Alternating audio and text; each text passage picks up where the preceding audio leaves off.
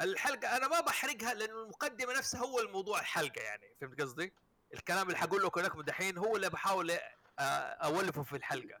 إيه طيب. حبيت أبدأ فيه. تح- تحرقها علينا إحنا إحنا بنشارك يعني. عارف كيف؟ ما لها ما لها ما لها داعي مفاجآت. علينا فجاه جايين إحنا على إنها شو اسمه لا هي ما فجأة هي نقدر نقدر ح- تصير حلقة عن كينج كونج ولا شيء.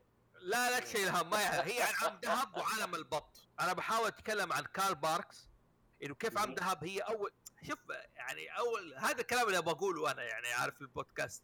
إنه عم دهب أول شخصية comics okay هي أول شخصية كوميكس تنجح وما ظهرت في التلفزيون. يعني هي نجحت في القصص المصورة وهذا وبعدين ظهرت في التلفزيون. بعكس شخصيات ديزني الأخرى اللي هي ميكي دونالد داك آه، جوفي كلها شخصيات ظهرت في السينما أول. okay بس إنه هو يعني إذا جيت مثلا. انت تقصد اول شيء لازم تحدد انها كوميكات ديزني اولا لأنه؟ مثلا الكوميكس لازم تحدد انها تقصد comic ديزني إي إي إي هي مثلاً- ديزني الوحيدة اللي نجحت في الكوميكس أو بدأت في الكوميكس هي شخ... أول شخص يعني كيف أقول لك إياها آه أنا فاهم عليك إيش تقصد بس إنه هل هو هذا يعني point مهم مرة؟ طبعا طبعا. والت ديزني يعني كان يرسم ويسوي شغله على الشاشة. بما اخر بما إن لك في الجانب الآخر كارل باركس كان يرسم الشخصية والكوميكس كان جاهزة. حلو؟ ولاقت نجاح. هي أول شخصية ديزني كوميكس تصمد وتنجح يعني بعكس شخصيات ديزني الأخرى. بس إنه هو يعني لأنه هو أول شيء ظهر شخصيه ثانوية تبع شخصية رئيسية. طبعا. هو كان شخصية ثانوية عند بطوط. شايف؟ دحين هذا الكلام اللي ابغاه أنا إيش في البودكاست؟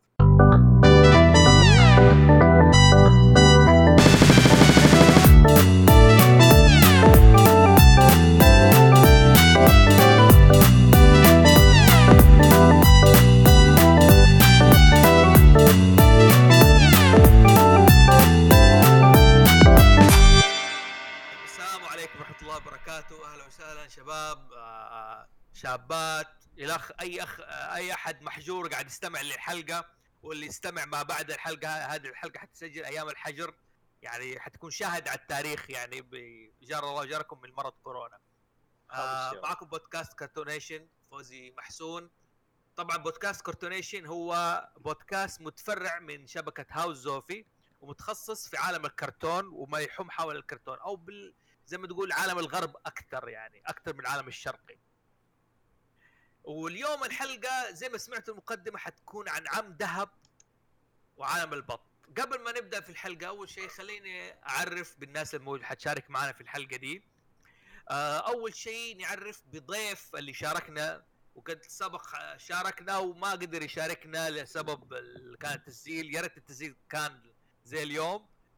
في حلقة Game of Thrones معنا حبيبنا عزيز من الرياض. هلا والله معك عزيز هدلق من الرياض. آه ما يعني ما أحس إني خبير في سكروج مكداك بس إنه يعني اقدم اللي أستطيع عليه إن شاء الله. والله اللي وصى فيك أحمد مرعي. عضو هاوس يا مراحب يا مراحب. صدقني يا فوزي وخير من اخترت القوي الأمين. بيفيدنا إن شاء الله وبيثري النقاش عبد العزيز. يا حياكم الله. طبعا معانا عضو آه، المشاكس برضو من الرياض رعد. اللي دحين هو حايس مسكين ما يقدر يسجل من السيارة وضارب مشوار. قاعد محاصر ف لا والله بس إني قاعد ألعب Stranding وسام في السيارة برضه بس احتر المطر يخلص. ولا يضحك هذا سيلفر ماسك اللي دائما موجود في كل حلقة في كل بودكاست لأنه هو بصراحة اللي ماسك المنتجة والدنيا والزحمة المراقب حقنا يعني زي ما يقول. yes البطل حقنا في الهاوس زوفي yes yes وفكرني أحط الصورة حقت ال- ال setup اللي عندي في البيت. نعم. كيف كيف نظبطه. وبس نصيحة سريعة بس لكل الجميع قربوا فمكم من الميكروفونات. وفي واحد صامد مليباري. هاي. اي مليباري أنا مين عارف ليش صوتك بعيد من المايك. ما أدري لا والله. قريب يا أخي والله قريب. مو هذا هو. مو هذا هو. يعني زي ما تقول ال- ال- الانذار حقي عام وموجه خاص لمليباري لا هو بالعكس إحنا عارفين مقصود مين. معليش. المايك حق مليباري كادح يعني ف لا تلوم. كادح. آه. والله شوف نصيحة لكل واحد محجور في بيته. إذا عندكم مايكات USB تبي تسجل بودكاست استخدموه. صراحة استخدم ليه ما تستخدم المايك ال- ال- ال Blue حقك يا أحمد؟ ال Blue عندك؟ لا أنا عندي ال Zoom. H 1 H 1 اظن هو؟ okay. H 1 N 1 هذا فيروس إنفلونزا الخنازير الله يرضى عليك يا أخي هو اسمه غريب كذا أبو H 1 حاجة زي كذا H 6 إتش 2 H 2 المطور ما. علينا. عموما خلينا نبدأ في حلقة. زي ما سمعت المقدمة حقت الحلقة بنتكلم فيها دي عن شخصية يعني بالرغم إنها بدأت ثانوية لكن لها تأثير على عالم الكرتون سواء قصص مصورة ولا على التلفزيون ولا حتى على السينما. عم دهب. أو أو, أو سكروج مكداك آه اللي ما يعرف إنه سكروج مكداك زي ما وضحت في البداية هي بدأت فين يا عزيز حبيبي؟ كيف بدات كيف. بدأت الشخصية؟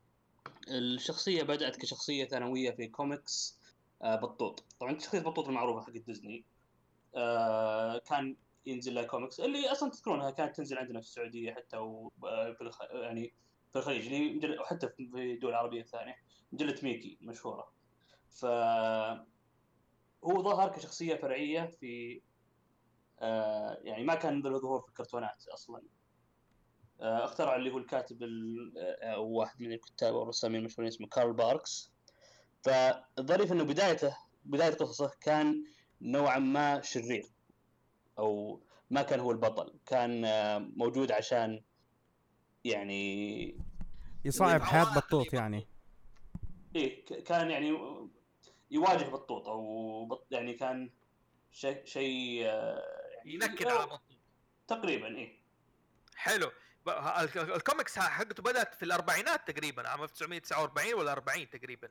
قديمة والله ما أذكر خل أو هو أول واحد له كان هو ظهر كان في شورت واحدة كان طبعا كان شخصيته شخصيته مختلفة جدا حقت الكريسماس آه. حقت الكريسماس هذه الفيديو إيه، إيه عبد؟ لا الظاهر في 47 حقت لا هو ظهر 47 47 هذا هذا هذا أول عدد طلع فيه إلا صادق آه، إيه، 47 مظبوط. أول عدد اللي هو أول ظهور له كشخصية فرعية. مم. بس ما أدري إذا اذا الع- إذا العدد في الكريسماس لا ما أدري يعني لكن مو- هو فعلا أول ظهور له عام إلا هو كان- 1947 كان قصه الكريسماس اللي ظهر Christmas on Bear Mountain شيء زي كذا كان اسمه. إيه،. اي مضبوط مضبوط. مو أنا هنا الشيء اللي بوضحه. لاحظ عام يعني تقريبا الأربعينات أو الخمسينات هذه ذروة السينما لديزني لوالت ديزني والمقاطع الصغيرة أو الرسوم المتحركة. ميكي بطوط دورت حتى Merrie Melodies الصغيرة ديزني shorts. عم دهب بدأ في قصص مصورة بدون ما يطلع التلفزيون أو يطلع السينما أو يطلع الشاشة بصفة عامة يعني. فهذا هو أنا كنت انصدمت انه والت ديزني في ذاك الزمن برضه كان إيش؟ دخل سوق الكوميكس وقاعد ينافس العصر الذهبي للكوميكس لدي سي ومارفل في ذاك الوقت. فاهمني عزيز؟ مم. okay هو آه، اللي أنا أذكر انه آه، كوميكس حقت ديزني نفسها ما اشتهرت ابدا في ال- في أمريكا. كانت موجودة بس ما ما اشتهرت. اشتهرت وين؟ اشتهرت في أوروبا. اشتهرت بشكل كبير جدا. فكارل باركس في أمريكا ما حد يعرفه كثير بس في أوروبا celebrity أها نفس الشيء نفس الشيء الكاتب الثاني اللي حق سكروج مكداك اللي هو دون روسا. دون روسا جيران يقول ما يعرفون إيش إيش اشتغل أنا بس هو كل سنة يروح أوروبا عنده زي ال tour ي- يعني يوقع على أشياء و... فهناك يعتبر أيضا celebrity حلو جميل فهذا الشيء اللي بوضحه الناس كثير بالذات أنا متأكد المستمعين لنا من الجيل الجديد يتوقع عم دهب يعني إنه مثلا شخصية جديدة أو حديثة بدأت مع قصص مصورة حتى المتأخر مجلة ميكي حقت اللي صدرت من الإماراتية يتوقعوا آه. إنه بدك انت تيل أنت بلا يزعل عليك رعد واحمد هم هم المناصرين لا ال- ت- ت- ترى ترى آه، الفكرة يعني هي بس كان ارتباط انهم يعتقدون ان يعني الشخصيتين ظهروا مع بعض فهمت الفكرة؟ زي. موضوع مي- ميكي وجوفي مع إنه ما هي بكذا بس لأن انتشارها عندنا جو مع بعض. بس. صحيح. فات وأنا هنا بسأل مرعي عم ذهب سكروج مكدك مبني على أي شخصية مرعي؟ هو طبعا استوحوها من قصة حق تشارلز ديكنز. تشارلز ديكنز عنده قصة اسمها أغنية عيد الميلاد. كان فيها أيوة. شخصية اسمها إبنزر سكروج عرفت كيف؟ هذه الشخصية هي كانت طبعا شخصية تجسد سكروج مكدك أول ما طلع واحد آه، شرير زي ما قال عبد العزيز وبخيل وطماع ويكره عيد الميلاد فالقصة اللي طلع فيها سكروج مكدك في آخر الأربعينات آه، 47 أو 48 كان إيش؟ كان آه، واحد مفروض زي ما قال عبد العزيز إنه شخص شرير قاعد في البيت يكره عيد الميلاد ويكره إن الناس مبسوطين فقرر ينكد عليهم وطبعا طلع في أول أول قصة له إنه بخيل وطماع وجشع جدا. العجيب إنه بعد العدد هذا الناس عارف إيش بدأ زي ما تقول فيها الشخصية دي لها سحر معين فقاموا يحبوها. لكن هو هو آه، عيد الميلاد اللي هو الكريسماس مو عيد الميلاد اللي هو البرثديز هذا الشيء الأول. لأن عشان ما يتلخبط الناس. الشيء الثاني المجيد. آه، الكريسماس حق المسيحيين. شو اسمه النقطة الثانية إنه هو ظهر في عدة أعداد بعدها وكان أيضا هو يعني الشرير. هو كان مو شخصية رئيسية بس مثلا كان يرسل بطوط يسوي كذا ولا يرسل مدري مين في حلقة مثلا يتحدى بطوط مثلا وولد اخوه الثاني اللي هو حسن الحظ ال- أنه يتنافسون. معلش حسن الحظ هو محظوظ. اللي هو أيوه. بس إنه ما يقرب السكوت مباشرة يقرب الظاهر يقرب البطوط نفسه. تقرا البطوط نفسه إيه. حلو. آه طيب أنا بس ابى أتوسع شوية في قبل عشان نفهم الشخصية دي كيف جات أصولها من شارلز ديكنز اللي هو ابنيزر سكروج. آه القصة تدور حول ابنيزر سكروج وإيش آه مرعي إنه في ليلة الم... إنه الشخصية كيف ممكن تتغير فين بسبب تأثير إيش الكريسماس أو تأثير ال... ب- إيه. تأثير روح روح روح العيد إنه العيد أثر عليه و- وشاف طباع الناس. ال- القصة المعتادة هذه. أثر عليه. إنه كان طبعا هو إيش؟ هو في ال- ال- الاسم ال- هو كان مفترض النموذج جسد البخل ويكره البشر. لكن اللي صار إنه مع تمشي في القصة بدأت تتغير آراءه وتتغير شخصياته وتتغير طباعه. أيوه. انقلبت شخصيته في يوم وليلة. يعني في يوم وليلة تغير. كيانه. تقدر تقول أنا ما أتف- أنا ما اتذكرها ترى قريتها من زمان ال- ال- هي ترى سووا لها فيلم فما أتذكرها. 2013 قد الرواية ذي تحولت فيلم 2013 إيه. آه، بطولة جيم كيري. مظبوط. نفس الاسم. إيه. مظبوط. فيعني اللي ما ي... اللي يبغى يشوف الفيلم وما يقرا الروايه عنده فيلم جيم كيري. هذا أنت قصدكم اللي رواية ديكنز مو مو إيه. إيه. وفي كان حلقة ترى طلع فيها إنها بطوط وميكي وعم ذهب.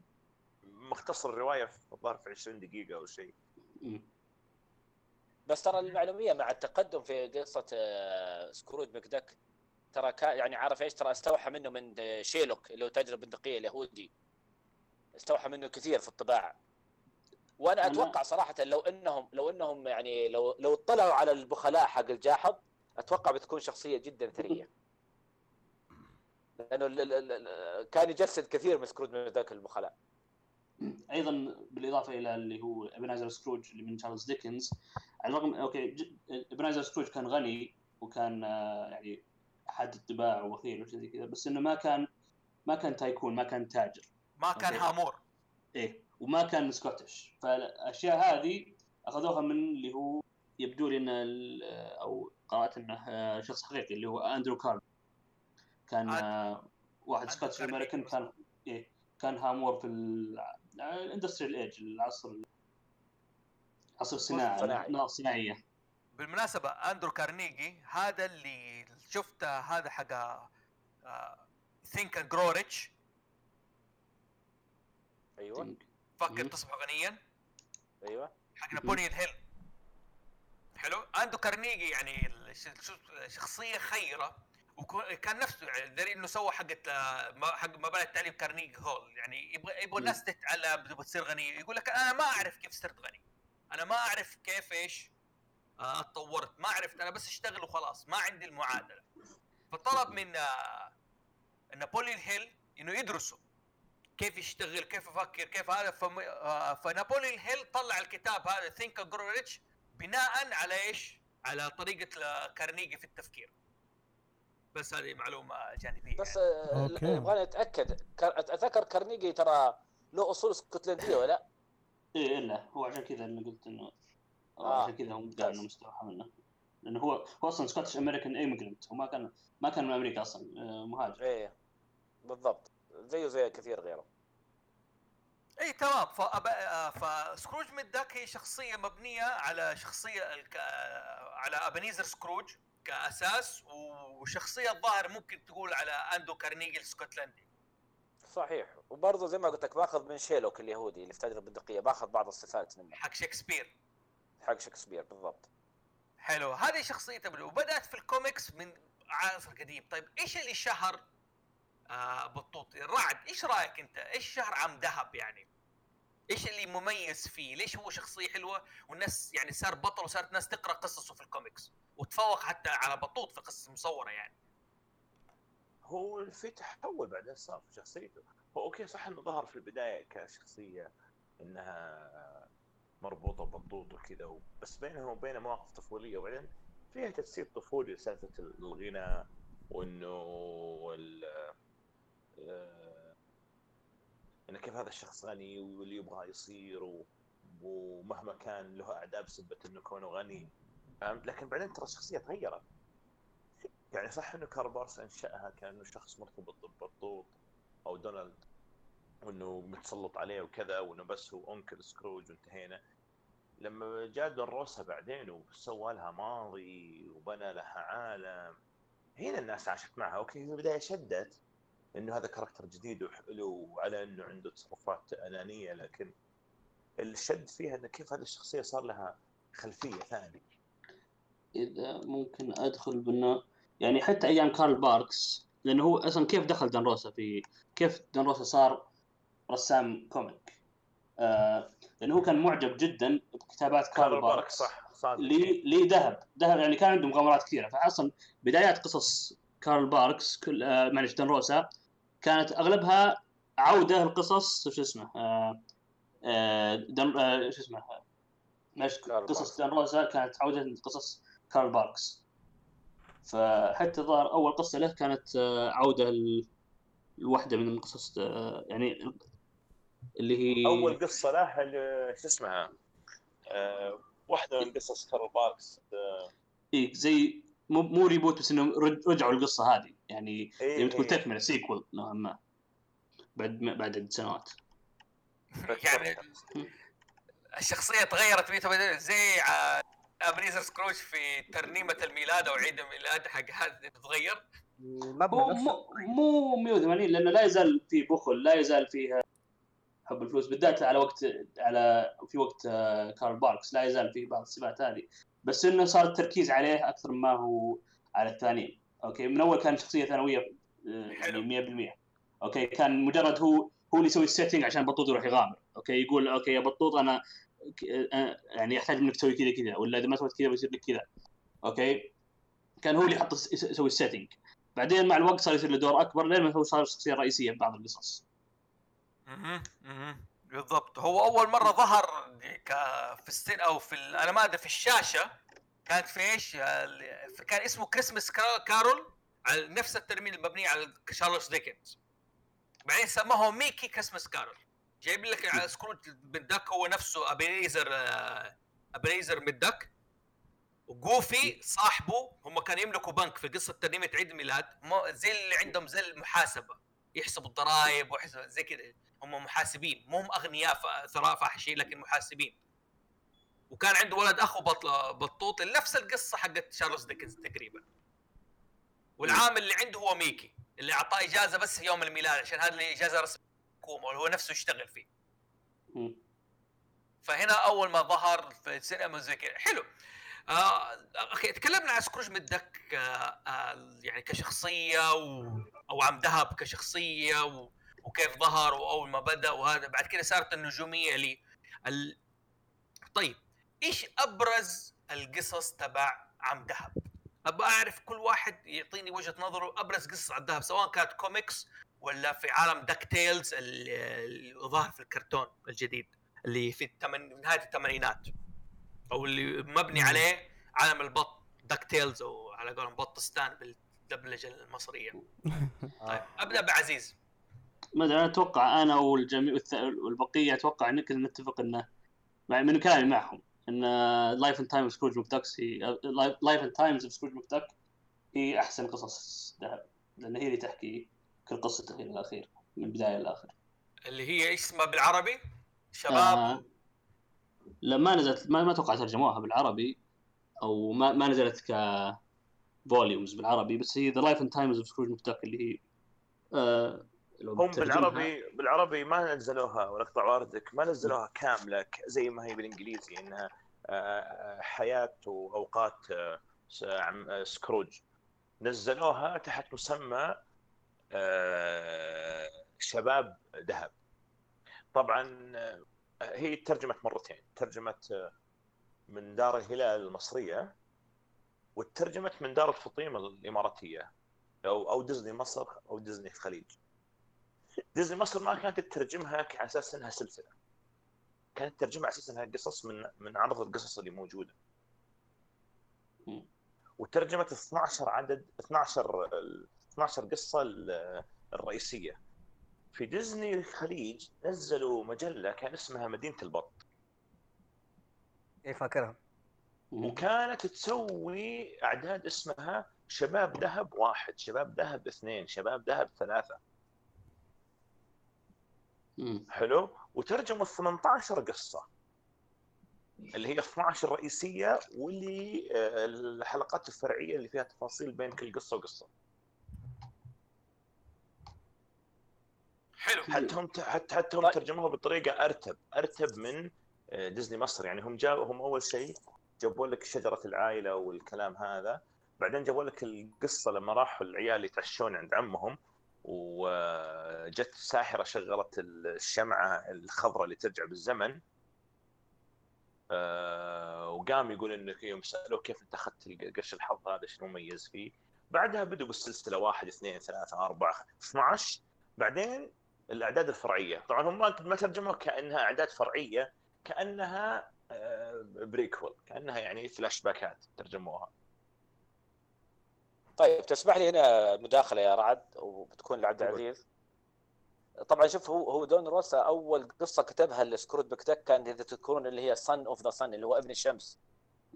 إيه اللي كانت آه، طبعا ترجموها هي بالعربي برضو وكانت. القصة وقتها ترشحت لجائزة من جوائز ال- ال- ال comic لكن إحنا خلينا نتكلم الآن في اللي قلتوه Life and Times of Scrooge McDuck أنتم تذكرون أول ظهور لسكروج مكدك كان في زي ما قلنا حق عيد الميلاد الدببة.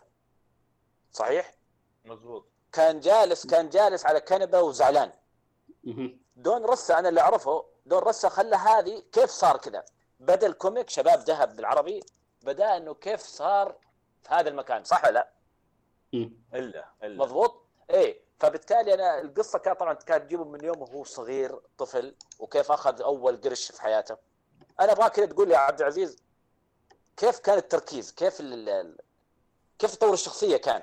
يعني كيف كان اللي هو مفترض إنه إنسان عادي أو عفوا عذرا بطة عادية كيف صار ال tycoon هذا؟ كيف صار البخيل؟ كيف صار كاره الناس؟ أتكلم- ابغاك تسهب تسهب في إبداع دون روسا في الموضوع. هو دون روسا يوم كتب Life Time Scrooge McDuck سوى شيء كان يعني تعب عليه جدا بحيث إنه إيش مر على كل قصص كارل باركس okay؟ وكارل باركس كان مثلا يعطي تلميحات على حياه دهب يعني ما يعني ذهب كان يرمي رمية. مثلا يقول أوه أنا في شبابي كانوا يسموني آه مثلا كذا كذا كذا. يوم كنت في أي- أيام ما كنت آه راعي بقر زي كذا. ولا أوه هذه تعلمتها يوم كنت كذا كذا كذا. أوكي؟ فهو كان دا... لأنه فكرة دهب إنه شايب وإنه عاش حياة يعني مليئة بالمغامرات. فكان هو بس يرمي أشياء عن قولة إنه يعني أوه كان عنده مغامرات كثيرة. قبل. ف دون روسا مشى عليها كلها وجمعها هذه ودخل في التفاصيل. واخترع قصص منها. okay؟ فبداية القصة بدأت في okay دهب كان من عائلة فقيرة جدا. okay؟ هو طفل ف- طبعا هذا. إيه كان طفل إيه. هم طبعا هم حاليا عائلة فقيرة. كانوا في الماضي كانوا من يعني عائلة كبيرة في اسكتلند كان عندهم عندهم قلعة وكل شيء بس إنهم حالهم ساء جدا. ف آه، كانوا الظاهر هو جده ولا آه، يعني يشتغلون أشغال يعني واحد يشتغل في منجم يعني شغل أشغال يعني مو مو هاي مانجمنت أشغال تحت يعني. فهو في يوم بعيد ميلاده العاشر ذهب أبوه أعطاه هدية اللي هي عدة تلميع أحذية. أوكي. فطبعا القصة المشهورة إنه هو نظف حذاء قاعد يعني ساعة كاملة ينظف في حذاء واحد طالع من المنجم. كان حذاء يعني ملطخ كله بالطين كان كأنه متحجر. ويوم خلص أعطاه دايم اللي هي 10 سنتات أمريكية. طبعا 10 سنتات أمريكية وهو في اسكتلند ما لها قيمة. ف هذا هو منها. بدأت القصة إنه okay إنه يقول أنا بعد اليوم ما يخدعني أحد بكون أذكى من الأذكياء و يعني smarter than the smarties and sharper than the sharpies وكان. عنده بعد المقوله اللي هي work harder work smarter not harder فمن بعدها هذه اللي كونت توجه ذهب. فاشتغل فترة طويلة بعدين انتقل لأمريكا بعدين آه، يعني صار القصة تكمل مغامراته. مراحل حياته المختلفة. كان يوم بدأ يدور عن الذهب وفترة أول شيء كان شغال على كان شغال في سفينة كابن بوي حلو. أنت عارف آه، في داك تيلز اللي هو الأفلام كرتون. اللي ظهر في 87 صاغوا القصة بطريقة ثانية إنه أبوه راح قال له اشتغل في محل حلاق حق عمه الظاهر أو خاله الله أعلم وينظف جزم واحد أعطاه له إيش؟ اللاكي دايم تبعه هو العشر سنتات. حلو؟ إنه بعد الشغل ده هذا اللي حصل عليه. تمام؟ ف أبوه هو اللي قال له إيش؟ يعني I uh, there to work smarter not harder. فمن. يوم حط في باله. هذه القصة وهناك بدأت إيش القصة؟ بعدين راحت الهجرة وسووا حلقة كاملة. عن مغامراته ومقابلته للبيجل بويز العصابة المقنعين. إنهم اعدائه من زمان الهجرة حقته هي كان هو كان على سفينة تايتانيك يقوم حاطين ولا؟ حلو ترى فراس فجأة انبرش كذا جاء دخل آه. لقى نفسه فاضي مع الحاجة وشافها مجمعين ودخل أوكي نفس السفينة حق التايتانيك أيوه وفي الحلقة زرقت هو تتكلم عن الكرتون ولا تتكلم عن ال comic؟ لأن ال comic كان مختلف. لا ال comic كان شغال على سفينة آه، بقر كان حتى كان ينام مع البقر كان يوطن عليه. لا لا في أوه. تايتانيك برضه موجود طاريه في ال comic. هو هو شوف يعني إيه ميزة ال comic هو إضافة لكلامك عبد العزيز إنه كان يلعب على وتر تاريخي. يعني ال- ال- ال- المؤثرين في الدول اللي هو كانوا في أمريكا وفي أوروبا جابهم دون روسا وخلاهم خلى سكروج مكدوك ياثر في حياتهم. يعني مثلا ماكبث اللي هو ملك اسكتلندا جاب طاريه في ال- في ال- ال comic. عرفت كيف؟ رجال أعمال أمريكيين زي جون جيكوب وزي روي بن هذول كلهم رجال اعمالين أثروا في نهضة أمريكا. عرفت كيف؟ فكان إيش؟ كان يجيب طاريهم على إنهم شخصيات في القصة وسكروج مكدك يعطيهم أفكار. إي بس تايتانيك ما كان في رحلته من من أمريكا. جاء بعدين. لا لا هو جاء جاء جاء بعدين هي جاء بعدين طاريها. إيه إيه إيه okay. لا أنا أتكلم عن كان رحلته من من شو اسمه من اسكتلند لامريكا لا لا لا لا لا لا, لا لسه قبل هذه كانت. إيه. فأنا أتوقع إنه عبقرية ال- ال- ال comic حقه 12 عدد هذه إنه فعلا خلق خلق عالم من character كان مجرد ثانوي كيف ال character هذا كان صغير وكيف كبر وكيف حب وحده وكيف الظروف خانته وكيف توفى أبوه وأمه إلى ما صار؟ الرجال خلاص كاره البشر فاعتزل الناس أو اعتزل البط بالأحرى هو اعطوه يعني حوافز خلته اعطوه عالم إيه. اي وبعدين اي خل... أعطاه عمق. وترى بالمناسبة ال... ال... ال- ال comic ذا فاز بجائزه وقتها. اللي هي أعلى جائزه في ال comic اسمها ايزنر أو شيء زي كذا. حلو. حلو. طيب آه هذه الحين قصة عم ذهب وكيف نقل في أمريكا هناك بدات مغامرات وهاني. طيب مين أشهر الشخصية؟ أو مين هم أعداء عم ذهب؟ حلو. مين هم مم. اعدائه بيجل بويز إيه، أنت عندك تقول عنده كثار هو. حلو. مين أقوى اعدائه أو أكثر واحد أز... إزع... ازعاجا؟ آه عم فضة.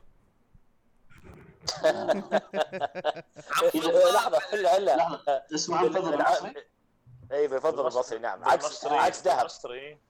بالمصري فضة لكن بالديزني الخليج هم فرقوا بين كاركترين بين ياقوت وفضة.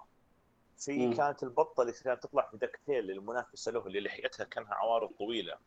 اللي هذا هو ال nemesis تبعه. اللي هو اسمه فلنت هارت جلوم جولد أيوه هذا هذا هو منافسه التقليدي. من عائلة كانت غنية وفقرت وبعدين هو بجهده اغتنى لكن طريقة اغتنائه ما هي زي طريقة ذهب. إيش الفرق بينهم؟ كان عنده يعني- مجمع الناس ولا؟ كان عنده منجم ألماس وذهب بالتجارة. فعشان كذا هذاك شايف نفسه اللي هو ذهب مقارنة بهذا. لكن كلهم نفس الطبايع خزنة ومدري إيش وفيها فلوس. اللي هو كان اللي فض الظريف بالموضوع إنه أو بداية طلوع هذا اللي هو فلنت هارت جلوم جولد. آه، ما- أنا أذكر إنه كان شو اسمه في في المج... آه، ميكي الخليج كان يسمونه دهبان. أحيانا يسمونه دهبان إيه إيه. إيه. ف... يسمونه ياقوت ما أدري ليش. مم. فهذا الدهبان ياقوت مدري شو. بداية قصة على إنه كان من آه، جنوب أفريقيا إيه. South Africa. بعدين سبحان الله فجأة تغير صار Scottish. إيه. هو كان اسمه إنه- إيش؟ آه، بالإنجليزي فلنت هارت جلوم جولد. فلنت إيه فلنت هارت جلوم جولد. okay. هو فعلا له في الكرتون الجديد كرتون 2017 عنده تفسير ممتاز لكيف صارت القلبة من جنوب أفريقيا لاسكتلندا أوه، كويس. يعني فسروها. فسروها. طبعا شخصية مختلفة نوعا ما عن عن وجود شوف الكرتون الجديد بعدين نجي لا لا نتكلم فيه الحين. هذا له سالفة طويلة. من هو؟ الكرتون الجديد. في في الحين كرتون دك تيلز حق 2017 okay؟ في الكرتون دك تيلز حق 2017 آه يعني في كلام كثير عن الكرتون هذا نقدر نتكلم عنه بس آه، نفضل نخليه بعدين. ليش تفضل تخليه بعدين يعني؟ لا لأنه ما بدينا بالأعداء لا، لسه بعد يا إيه خلينا نخلص عن عن ذهب نخلص عن الكرتون بعدين نجي الكرتون الجديد آخر شيء. ما تبي تبني على شيء ما بعد طيب حلو. حلو، باقي. البيجل بويز وباقي شو اسمها الساحرة بالإنجليزي؟ أنا ما أعرف آه، أنا بعرف اسمها آه، سونيا بالإنجليزي ما أعرف اسمها. ماجيك بالمصري فتنه بالخليج إيه، فتنه. بالإنجليزي ماجيكا ديسبل ماجيكا ديسبل هذه إيش دوافعها؟ هذه د- دوافعها تبي تحصل على قرش الحظ عشان تبي تسوي عنده سحر طبعا. وش يسوي السحر؟ أو نتيجة السحر هذه تختلف. الظاهر بس انها تكون يا انها أقوى بطه في العالم أو immortality ولا شيء كذا. بس إنه الزبدة إنه دائما هي تبغى تحصل على قرش الحظ أو ال number 1 dime حق سكروج. هنا أنا عندي سؤال أبغى أسألكم إياه كلكم واحد واحد. okay. okay؟ طيب. عم ذهب صار غني بفضل أداة سحرية اللي هي ال lucky dime ولا بعرق جبينه؟ أتوقع الكل يعرف إن الإجابة على هذا إنه عرق جبينه. عرق ريشه عرق ريشه عرق ريشو. طيب ليش إذا كانت هذه ماجيكا ديسبل تبغى هذا هي طالما إنها تجيب حظ. في حلقة هذا اللي هو فنتون كراكشل اللي يسموه محظوظ. لا فن- فنتون مو محظوظ. لا فنتون هو هو المحاسب اللي صار جزمو ده. آه اي صح الفنتون المحاسب. ال- إيش اسمه المحظوظ؟ آه وش اسمه؟ ما يبغى يشتغل لابس أخضر. آه جاندر آه شو اسمه؟ بالعربي محظوظ أو حسن الحظ بالإنجليزي جاندر. جلاد ستون جل- جليد ستون إيه. جاندر إيه Gladstone Gander سرق هذا ال- العملة حقت عم ذهب ال lucky dime فصار هو عشان استخدم يعني حظه في في شيء سيء جاته لعنة. صار حظه سيء. وعم ذهب بدأ ال market حقه انهار ال stock market انفجار وبدأت تصير له أشياء كثيرة. وعم ذهب دائما محافظ على العملة حقته بطريقة عجيبة. وهذيك Magica De Spell أو فتنة بالدائما تجري ورا العملة دي لأنها سحرية. طيب دحين إيش. الرابط بين الاثنين؟ لا لا مو لأنها سحرية. هي حتى لو تشوف لو تقرأ في واحدة من الأعداد هي رجعت الماضي وأخذت القرش هذا قبل ما يأخذ ذهب. أوكي؟ بعدين استوعبت إنه أصلا ما ما له قيمة إذا ما أخذ ذهب لأنه هي هو مو لأن- ما تبغى لأنه محظوظ. تبغاه لأنه هو القرش الأول اللي ياخذه أغنى رجل في العالم. معي؟ معاك أنا. فهي اضطرت انه ترجع له عشان تسرقه بعدين. أوكي؟ فمو لأنه هو القرش نفسه يجيب الحظ. ال... هو تبغاه لأنه هو ال number 1 dime لأغنى رجل في العالم. أيوه. إيه. في واحدة من القصص هي انها عشان تصير أقوى ساحرة في العالم آه، آه، عشان تصير أقوى ساحرة في العالم عرفت إنه آه، القوة مصدر القوة بيكون في أول قرش أخذه أغنى رجل في العالم. فهذا أها اللي خلى إيه هذا هذا كلها القصة. فبالتالي إيه خلاص بنت العداوة مع ذهب إنها إيش تأخذ القرش هذا بأي طريقة كانت. وطبعا هو الآدمي أو البطة ذا معت مع القرش هذا عزيز عليه لأنه هو أول قرش أخذه في حياته. فهنا بدأ إيش؟ بدأ ال- ال- الحرب السجال بينهم. يعني ف- هو في علاقة نفسية لعم ذهب مع القرش هذا lucky dime وأنا إيه، عجبني هو في ال- هو ترى القرش طبعا فسرها Don Rosa في القصة إنه هذا أول قرش أخذه. فهو في الق- القصة يقول يقول إنه هذا بيكون إيش؟ بيكون آه سبب ثروته. هو اقتنع قناعة تامة بهذا الشيء. ترى هم بالإنجليزي ما يعني مرات يسمون lucky dime بس الرس... الاسم الرسمي والاسم اللي بالدعوه أكثر شيء number 1 dime إيه. my number 1 وبالعربي قرش الحظ. إيه، فهم الحظ. إحنا بالعربي هم ركزوا على الحظ بالإنجليزي هم ركزوا على إنه أول. قرش حلو. طب أنا برجع دحين لعدو الأول هذاك قمض قمض الفرق بينه وبين إيه. عم دهب في الكرتون إنه هذاك عم دهب شريف في النهاية مثلا ما يسرق هو بخيل رجل صفقات يعني يدور على مصلحته مثلا حلو لكن ما يسرق ما يغش ما يرشي م. الثاني هل هو بنى ثروته بناء على ال- على الورث اللي أخذه ولا هذا ولا بنى ثروته بالسرقة بالغش بالتحايل بالرشوة مم. وأنا زي وأنا زي ما قلت لك هم هو ليش هو عدو التقليدي؟ لأنه آه، قصتهم متشابهة الفرق إنه آه، آه، مصدر تجارتهم أو إنه الشيء اللي يربطهم مع بعض فهمت علي؟ لكن في واحد ثاني العكس إنه لا إله إلا الله اللي هو اسمه فضه اللي يكون نحيف ونظاراته دائرية وله وأصلع ما له شعر هذا شكله نيرد. هو أساسا شخص غني. وورث ورث وسوى تجاره ويستخدم لتمريرها شغلات آه، ما هي بشريفة. هذاك لا. لكن كنت لمحه في أكثر من قصة إنه عنده طرق ملتوية. عكس خوينا إنه لا كل تجارته شريفة. إنه وب- وبداها من الصفر. مو بداها عن طريق مثلا منجم ألماس. يعني هذا ارتكز على المنجم عشان يبني كل آه، إمبراطوريته. فهمت علي؟ أيوه ال- الشخصية اللي بتقول عليها اسمها Rockerduck آه، اللي هو اللي تقول له ياقوت الثاني. إيه اسمه جون اسمه John D. Rockerduck. طبعا بالمناسبة ترى مقتبس من روك فيلر جون دي روك فيلر اللي جاب طاريه في BioShock. فين؟ ذكرته؟ BioShock كيف لما لما نسوي القصة حقها الكين ليفن طبعا معلش على الشطحة. كين ليفن كين ليفين لما جاء سوى القصة راح زار مركز اسمه روك فيلر في نيويورك. روك فيلر ذا طبعا بنى المركز هذا من ال من ال ب- ب- زي ما يقولون بعد عذاب شديد. طبعا روك فيلر هذا هو أساسا تاجر كبير و و tycoon هامور. الش- الشاهد موضوعنا هذا؟ إنه Rockerduck مقتبس منه. حلو. عشان بس ما نشتت الموضوع إيه. لا آه بالعكس. أوكي أوكي. آه دوبي أنت دوبي لما قلتوا لي اسمه شيكت عليه طلع هذا هو اللي اسمه فضة في ديزني. أيوه قلت لك أنا. إي إي.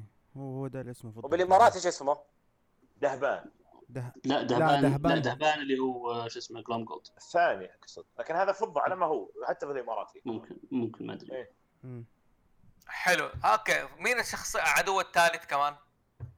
في آه. ال Beagle Boys نار على علم بالعربي إيه. عصابة القناع الأسود بس بالإمارات إيش إيه. اسمهم؟ حتى على الأسود في ترى في أس... هم ترى ديزني الإمارات ما غيرت كثيرا من الاسماء العربية يعني هم حافظوا على ذهب حتى بالدال مع انها غلط على أساس انها خلاص صارت زي البصمة زي بطوط فهمت؟ يعني هذا آه، يعني ما أقدر أغيرها فهمت خلاص صار فيها ارتباط زي زي كابتن ماجد. كابتن ماجد أول ما دبلج وهو من الأردن بس خلاص انشهر بالاسم هذا لما راح لسوريا ولما راح مدري وين برضو اسمه كابتن ماجد. وبسام ورعد وفهمت قصدي؟ هم حافظوا حتى على الخطأ هذا دال بدل ما هي ذال عم ذهب. لكن مثلا غي- غيروا اسماء الأطفال الثلاثة غيروا بس هذا موضوع ثاني يعني لكن ها- عصابه القناع الأسود زي ما هي. ألو؟ عصابه القناع الأسود. أهلا. فجاه قطع الصوت هم؟ إيش؟ إيش؟ فجاه فجأة كذا فجأة راح الصوت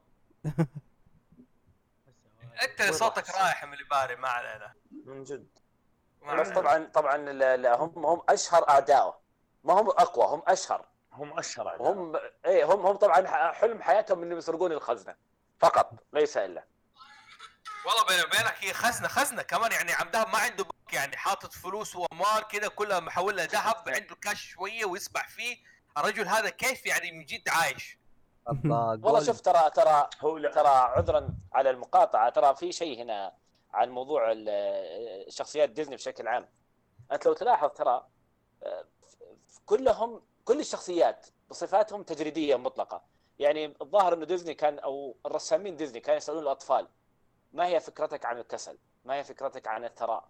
ما هي فكرتك عن الحظ الحلو؟ لو تلاحظ فكرة بطوط كلها وش الكسل عنده؟ جالس بين شجرتين معلق المرجيحة وجالس. بالنسبة لسكروج مكداك خزنة مليانة ذهب وأوراق وقاعد يسبح فيها أو يسبح فيها. وبالنسبة ل شو اسمه محظوظ أو حسن الحظ رجل حظه يفلق الصخر. فالجاذبية شخص شخصيات ديزني أنا في رأيي إنها تجريديه مطلقة. أنا أحس إنه هذا لعب دور كبير ترى إنه الشخصيات تنجح. ترى بالمناسبة شخصيات ديزني في أوروبا يمكن عبد العزيز ورعد صححوا لي الكلام ده كسحت شخصيات ال comic الاوروبيه زي تانتان وإستريكس. غزتها غزو تام. لدرجة إنه أعداد حق تانتان اللي كانت تنباع بمئات الألوف وقتها صارت تنباع بالآلاف مقابل قصص بطوط و DuckTales أو Scrooge McDuck اللي كانت تنباع بمئات الألوف. هذا طبعا اتكلم أنا في السبعينات والثمانينات. إيه هي هي سوت جو مو طبيعي. جدا اشتهرت.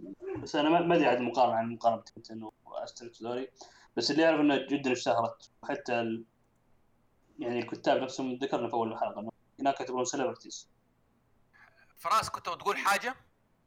أتذكر في شخصية قديمة عنده ما أدري هل تعتبر ك villain ولا شخصية تجيب له دائما مصيبة. بنت اسمها جولدي. آه. جولدي مو شو اسمه مو مو مو عدو. آه منافس نوعا ما. يعني بينهم يعني love hate relationship يعني. هذه أظن جولدي أنا كأنها عارف زي حبيبة شارلوك هومز إيش اسمها؟ أيوه آه. وأظن هم مسوية أدريان. أدريان آه، لا لا. أدريان آه، مو أدريان شو اسمه المهم عرفتها عرفتها بس بنجيب اسمه بس- بنجيب اسمه التشبيه كويس يعني. لأنه بالذات في المغامرات حقت آه، لما هو يدور على أيرين أدلر أيرين أدلر. ارين أدلر شكرا. أيرين هي أدلر. تقريبا زي- فعلا لأن هي تقريبا سكروج بالذات لما يجي يدور على treasures ولا في ال treasure hunting هي تكون المنافسه له ودائما تضحك عليه إنه تأخذ منه ال treasure. وهي زي ما قلت أنا زي شارلوك هومز وأيرين أدلر يعني. أيرين أدلر عليها السحر على شارلوك هومز يعني شارلوك هومز ما, ما يقدر ما يعني الجزء الوحيد اللي ما يقدر يفسر منطقيا. نفس الشيء هي عاد- حتى في حلقة في آه، لجولدي هذه مرعم ذهب كان حيتزوج واحدة حلو واضحه وا... آه، واحدة عارف. واحدة كانت زي ما تقول على لعبة في عقله عم ذهب ماشي معاها وزي كذا فالاولاد إيش سووا؟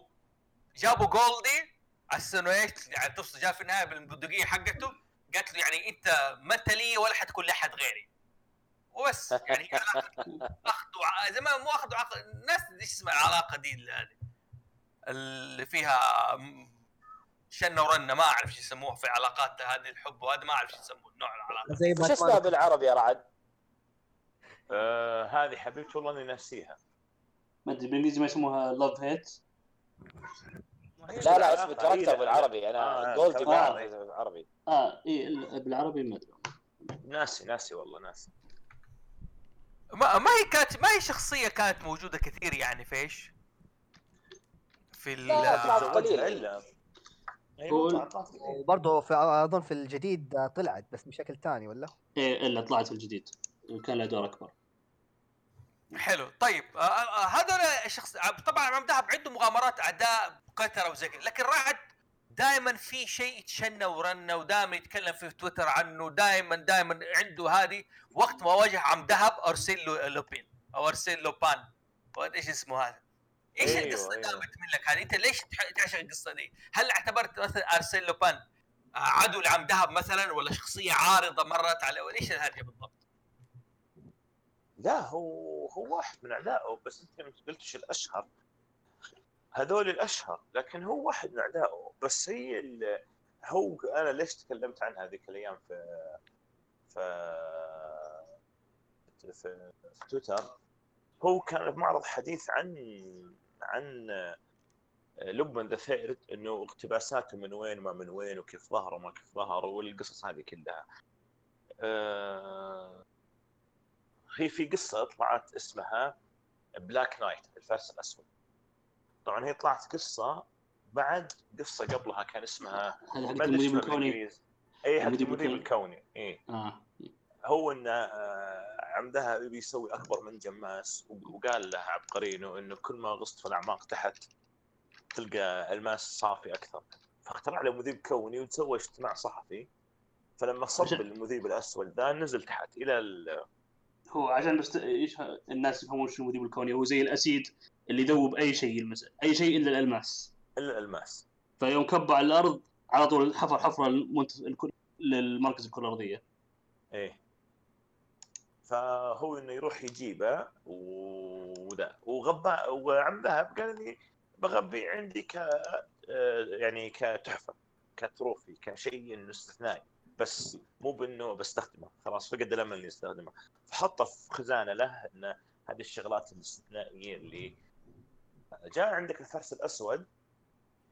هو سماه دروسه في في القصة سماه أربن لوسن. طبعا سماه أربن لوسن أكثر سبب. أول شيء هو يحيل لقصه قديمة سواها مؤلف آه، شخصية آه، لوبان اللي هو موريس لبلان. موريس لبلان كان معاصر أرثر كونان دويل.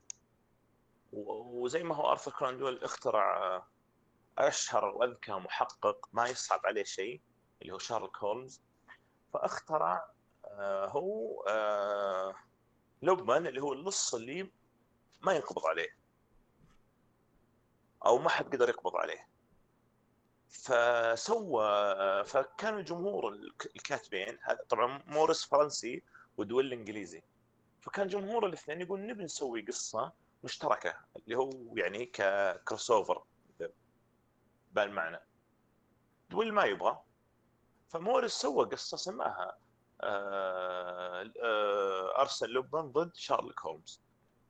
بس طبعا ما أخذ فيها تصريح من دويل فهذاك احتج بموضوع الحقوق الفكرية. فقام أعادها مرة ثانية وسماها ارسل لبن ضد هارلوك شولمز. حلو؟ نعم. أيوه. هارلوك شولمز؟ أيوه. وخلى نهاية القصة إنه لبن ما انقبض عليه لكن شارلوك عرف وين لبن راح أو وش سوى برضو فيعني هو حافظ على كرامة آه، شخصيته وما انتزع من كبرياء. شارلوك فهو لما سماه دون روسا آربين لوسين يحيل لك الموضوع هذا. إنه طيب إنه حتى أنا أذكرك في القصة هذه إني أنا برضو برضو مسألة حقوق أتوقع. ما أتوقع إن ديزني كانت بدها تكافح عشان volume واحد طلع وما ندري يضرب ولا ما يضرب بروح أشتري حقوق اسم وما أدري إيش والسواليف كلها. وجايبينها في القصة إن لبن إنه خلاص يبي يترك موضوع السرقة وزي اللي تقاعد لكن يبغى يسرق الشخص ال- اللي ما بعده ولا قبله بحيث إنه تصير السرقة اللي تضرب في الإعلام واتقاعد بعدها. فراح لمدينة البط أو داك بيرد وقالوا لنا في أغنى بطه في العالم وعنده خزنة كلها فلوس. فهو يقول كيف بسرق الخزنة هذه؟ أنا ما أقدر شخص لحالي. فقال بس خل خل أدخلها في الليل وأشوف وضع إيش يمديني أسوي عشان ذا فلما دخل دخل الخزنة ذي اللي فيها اللي فيها الشغلات اللي ال trophies اللي خلال رحلاته عم دهب جمعها دخل لقى قارورة من ألماس وفيها شيء أسود مكتوب يذيب كل شيء عدا الالماس فقال ليش يذيب كل شيء عدا الالماس؟ بعدين شاف سمع أصوات بطوط وعم دهب يطردونه قام أخذ هذا وأخذ كيس فيه بودرة ماس وتغبى في درع قديمة ونحاش يوم فهم السالفة فقال حلو أنا لو إني آه، أحط على الدرع الماس واصبغه بالمذيب الكوني ما أقدر أذوب نفسي لكن بذوب أي شيء يلمسني. wow. هلا فهمت؟ فقال أقدر أدخل الخزنة وأذوب الفلوس وأطلع قدام الناس كأني سرقتها بغمضه عين. أوكي. فهمت؟ وتصير هذه هي هي قصة التقاعد حقي وزي ما قلت لك أول آه، لبن ما حد قد قبض عليه. في نهاية القصة يقدر عمدها بأنه يكلبشه. هو الوحيد اللي قدر يقبض على لبن. أيوه. لكن طبعا لبن بحكم إنه هو لص من مهستر قدر إنه يهرب من الكلبشه لأنه وش سوى عمدها بالغلطه؟ قال البطوط أنت روح سلمه. ما قال إيه فقدر يهرب. وملاحظه ودي بس التنوية ودي أو أذكره. تفضل. من في القصة هذه يبان بشكل كبير الفرق بين قصص دان روسا وقصص كارل باركس. دان روسا دان روسا ترى وش هو؟ ترى أصلا ما كان رسام كان مهندس مهندس معماري. ففي قصصه دايم يعطيك حبكة وفيها لها تفسير آه، ما أقول علمي بس لها شيء منطقي نوعا ما. ففكرة هذا لا إله إلا الله الحرامي كيف إنه دخل ولبس الدرع وحط اللي هو بودرة الألماس بعدين حط على بودرة الألماس اللي هو الكوني بعدين قال أنا بسوي بذوبها كلها عشان بس أسوي نفسي إني سرقتها لأنه مستحيل اسرق اسرقها ما حد يقدر يسرق هذه الكمية الفلوس كلها. عرفت؟ فكلها القصة تتبع نمط منطقي نوعا ما. okay؟ آه كارل باركس ما كان يهتم بال بالنقاط هذه بشكل يعني آه كانت أقرب ما للقصص الهزلية نوعا ما. okay. مع إنه كان عنده أفكار حلوة وكان عنده أشياء يعني آه يعني أفكار okay ذكية جدا بس ما كانت ال, ال يعني إنها تتبع سيناريو أو شلون.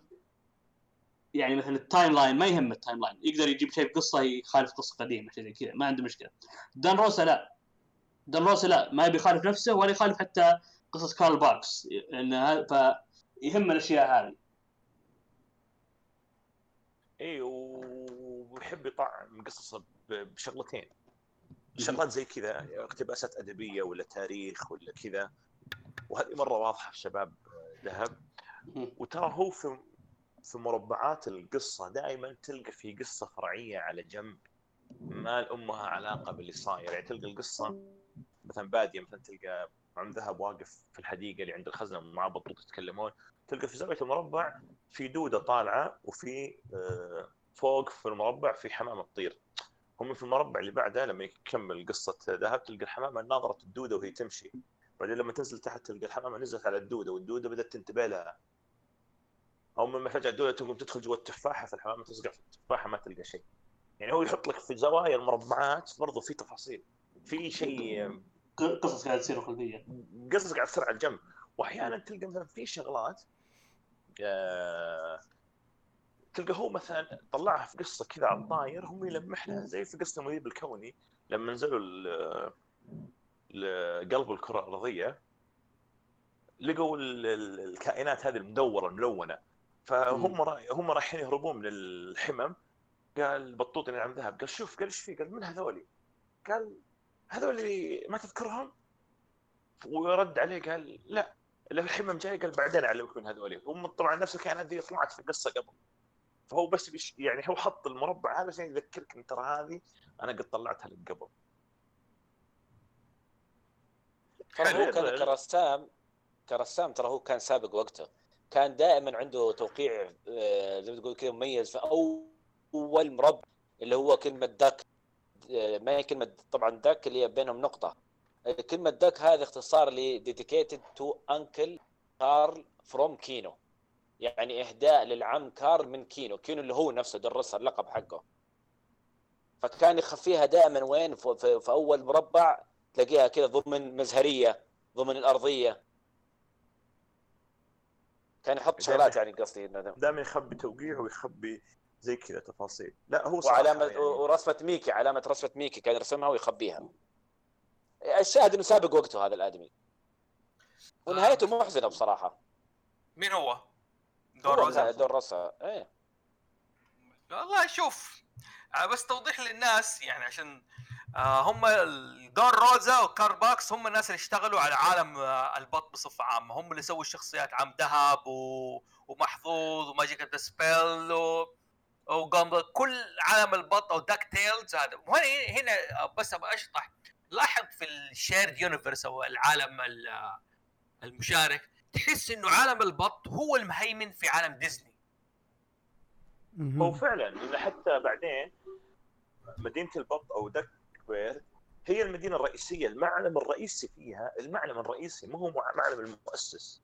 المعلم الرئيسي في المدينة مو المؤسس اللي شايل الذرة. الهولندي. لا المعلم الرئيسي هي خزنة ذهب وفي حي في المدينة اسمه حي ميكي وتصير فيه احداث قصص ميكي. يعني مو بس إنه العالم هذا هيمن رمز ديزني هو عبارة عن حي في المدينة هذه. يعني حتى هو ساكن كذا على جنب يعني.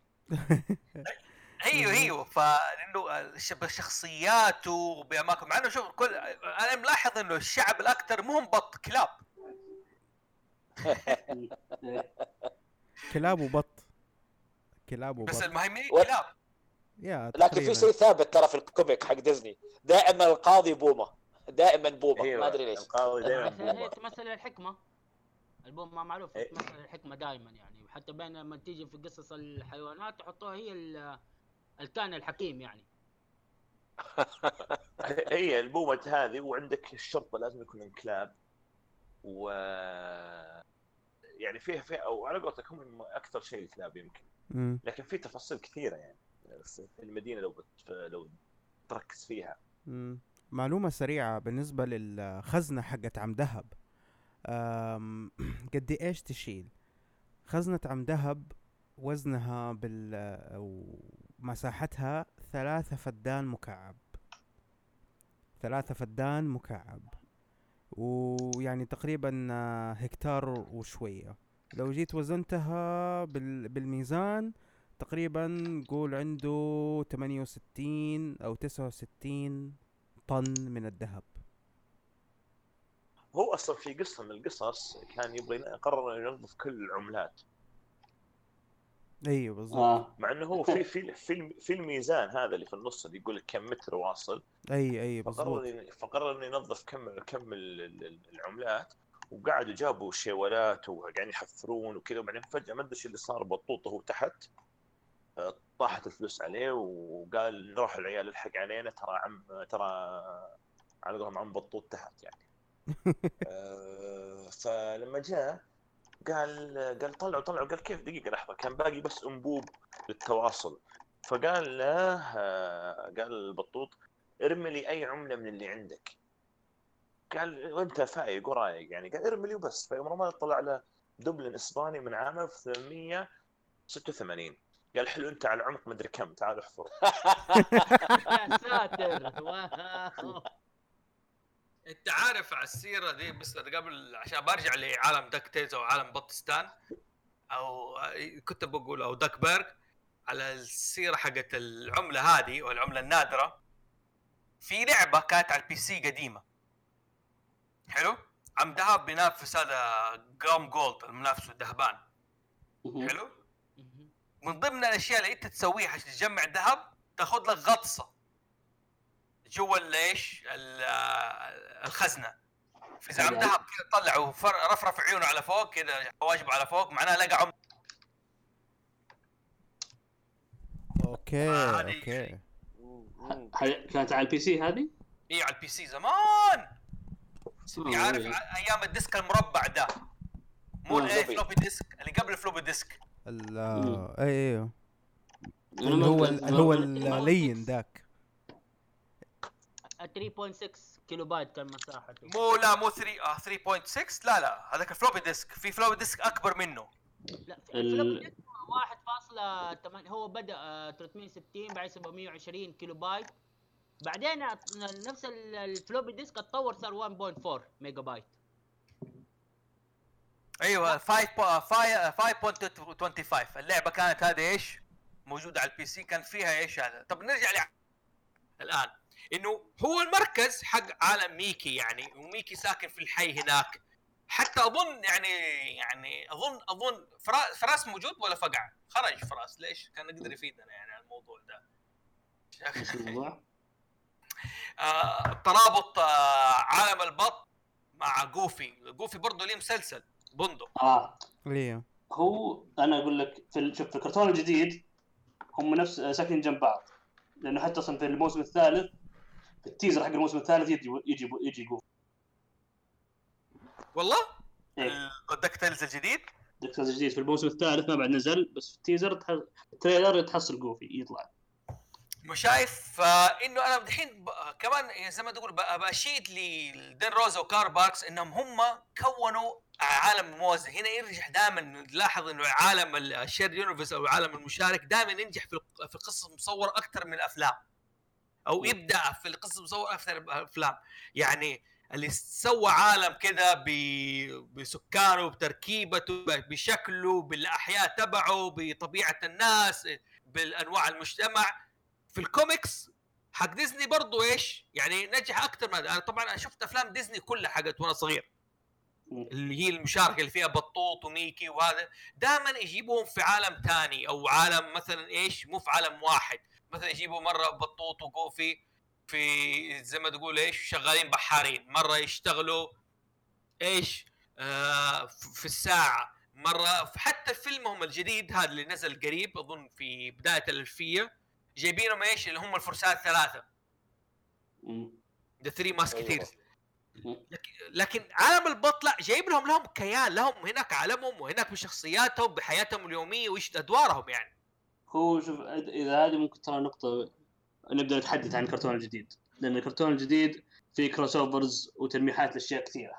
في الحلقة الأولى بالحالة في تلميح ل تعرفوا كرتون TaleSpin تعرفوه؟ اللي كان بطولة بالو حق أيوه أيوه TaleSpin أيوه أيوه أيوه. في تلميح هذا TaleSpin في تلميح ل آه شو اسمه Darkwing Duck آه فيه تلميح لل Gummi Bears بس مو في الحلقة الاولى في حلقة ثانية.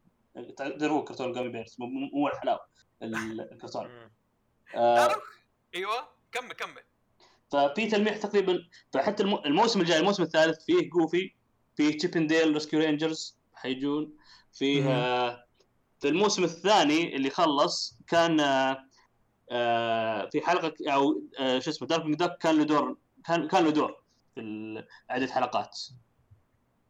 ف الصراحه الكرتون الجديد آه، أي واحد محب للشخصية أنصحه يطلع عليه. والله أنا أنت حمستني أتفرج عليه دحين DuckTales الجديد. بس بالنسبة ل Darkwing Duck يعني واضحه انه إيش نفس العالم بس في مدينة ثانية لأنه هذا- هذا آه Launchpad يشتغل إيه ها؟ إيه. فهو في شوف الكرتون الأصلي كانوا في مدن مختلفة كانوا آه إنه شو اسمه كانوا مدن مختلفة. آه لأنه طبعا آه، Launchpad كان موجود في الموسمين وأيضا Gizmoduck كان موجود في الكرتونين ما كنت غلطان. اي آه، مزبوط Gizmoduck مزبوط إيه ففي الكرتون الحديث القصة متغيرة نوعا ما. طبعا Cape Suzette اللي كان Cape Suzette أتوقع هو Cape Suzette اللي هو اسم المكان حق Darkwing Duck المدينة. هي مو نفس المدينة بس Canard زي كذا ما أدري عنه حاجة إيه. كذا. فما أدري بس إنه الظاهر إنها زي سان فرانسيسكو يعني. هم مدينة واحدة بس زي ما تقول مندمجه ففي آه آه يعني الجزء اللي من هذه الجهة من النهر له اسم أو على الجهه من الخليج له اسم والجهة هذه له اسم عرفت كيف؟ فهم ولا هم تقريبا مدينة واحدة. زي زي مثلا لوس أنجلوس وسانتا مونيكا كلهم جنب بعض مع إنهم technically مدينتين مختلفتين بس إنهم كلهم متصلات يعني ما زي أو زي الرياض الدرعية أيوه هي اسمها إيش؟ St. Canard. آه Saint Canard. أيوه أيوه آه معليش كيف زت حق كيف زت هي حقت آه، حقت شو اسمه آه... تيل سبين آسف. تيل سبين أيوه إيه. أيوه لا هي ده عالم حق دارك ويك ده كأنها جاثم سيتي إيه. إس كنارد كأنها جاثم سيتي أصلا دارك ويك ده كانوا باتمان يعني محش الباتمان أو آه، هو ما أدري آه، هل لا أصلاً هو كنت بقول شيء بس بيعتبر سبويلر الصراحة فما ما بين إيش دور Darkwing Duck في هذا العالم الجديد؟ لأنه مختلف نوعا ما. والله؟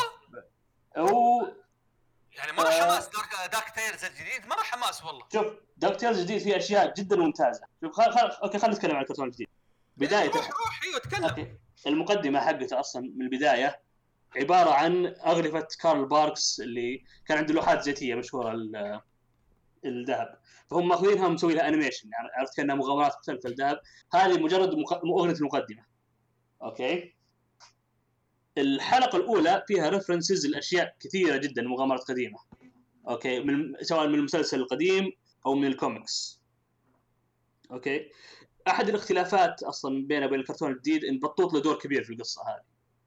okay؟ في الكرتون القديم بطوط ما كانوا يحطونه ليش؟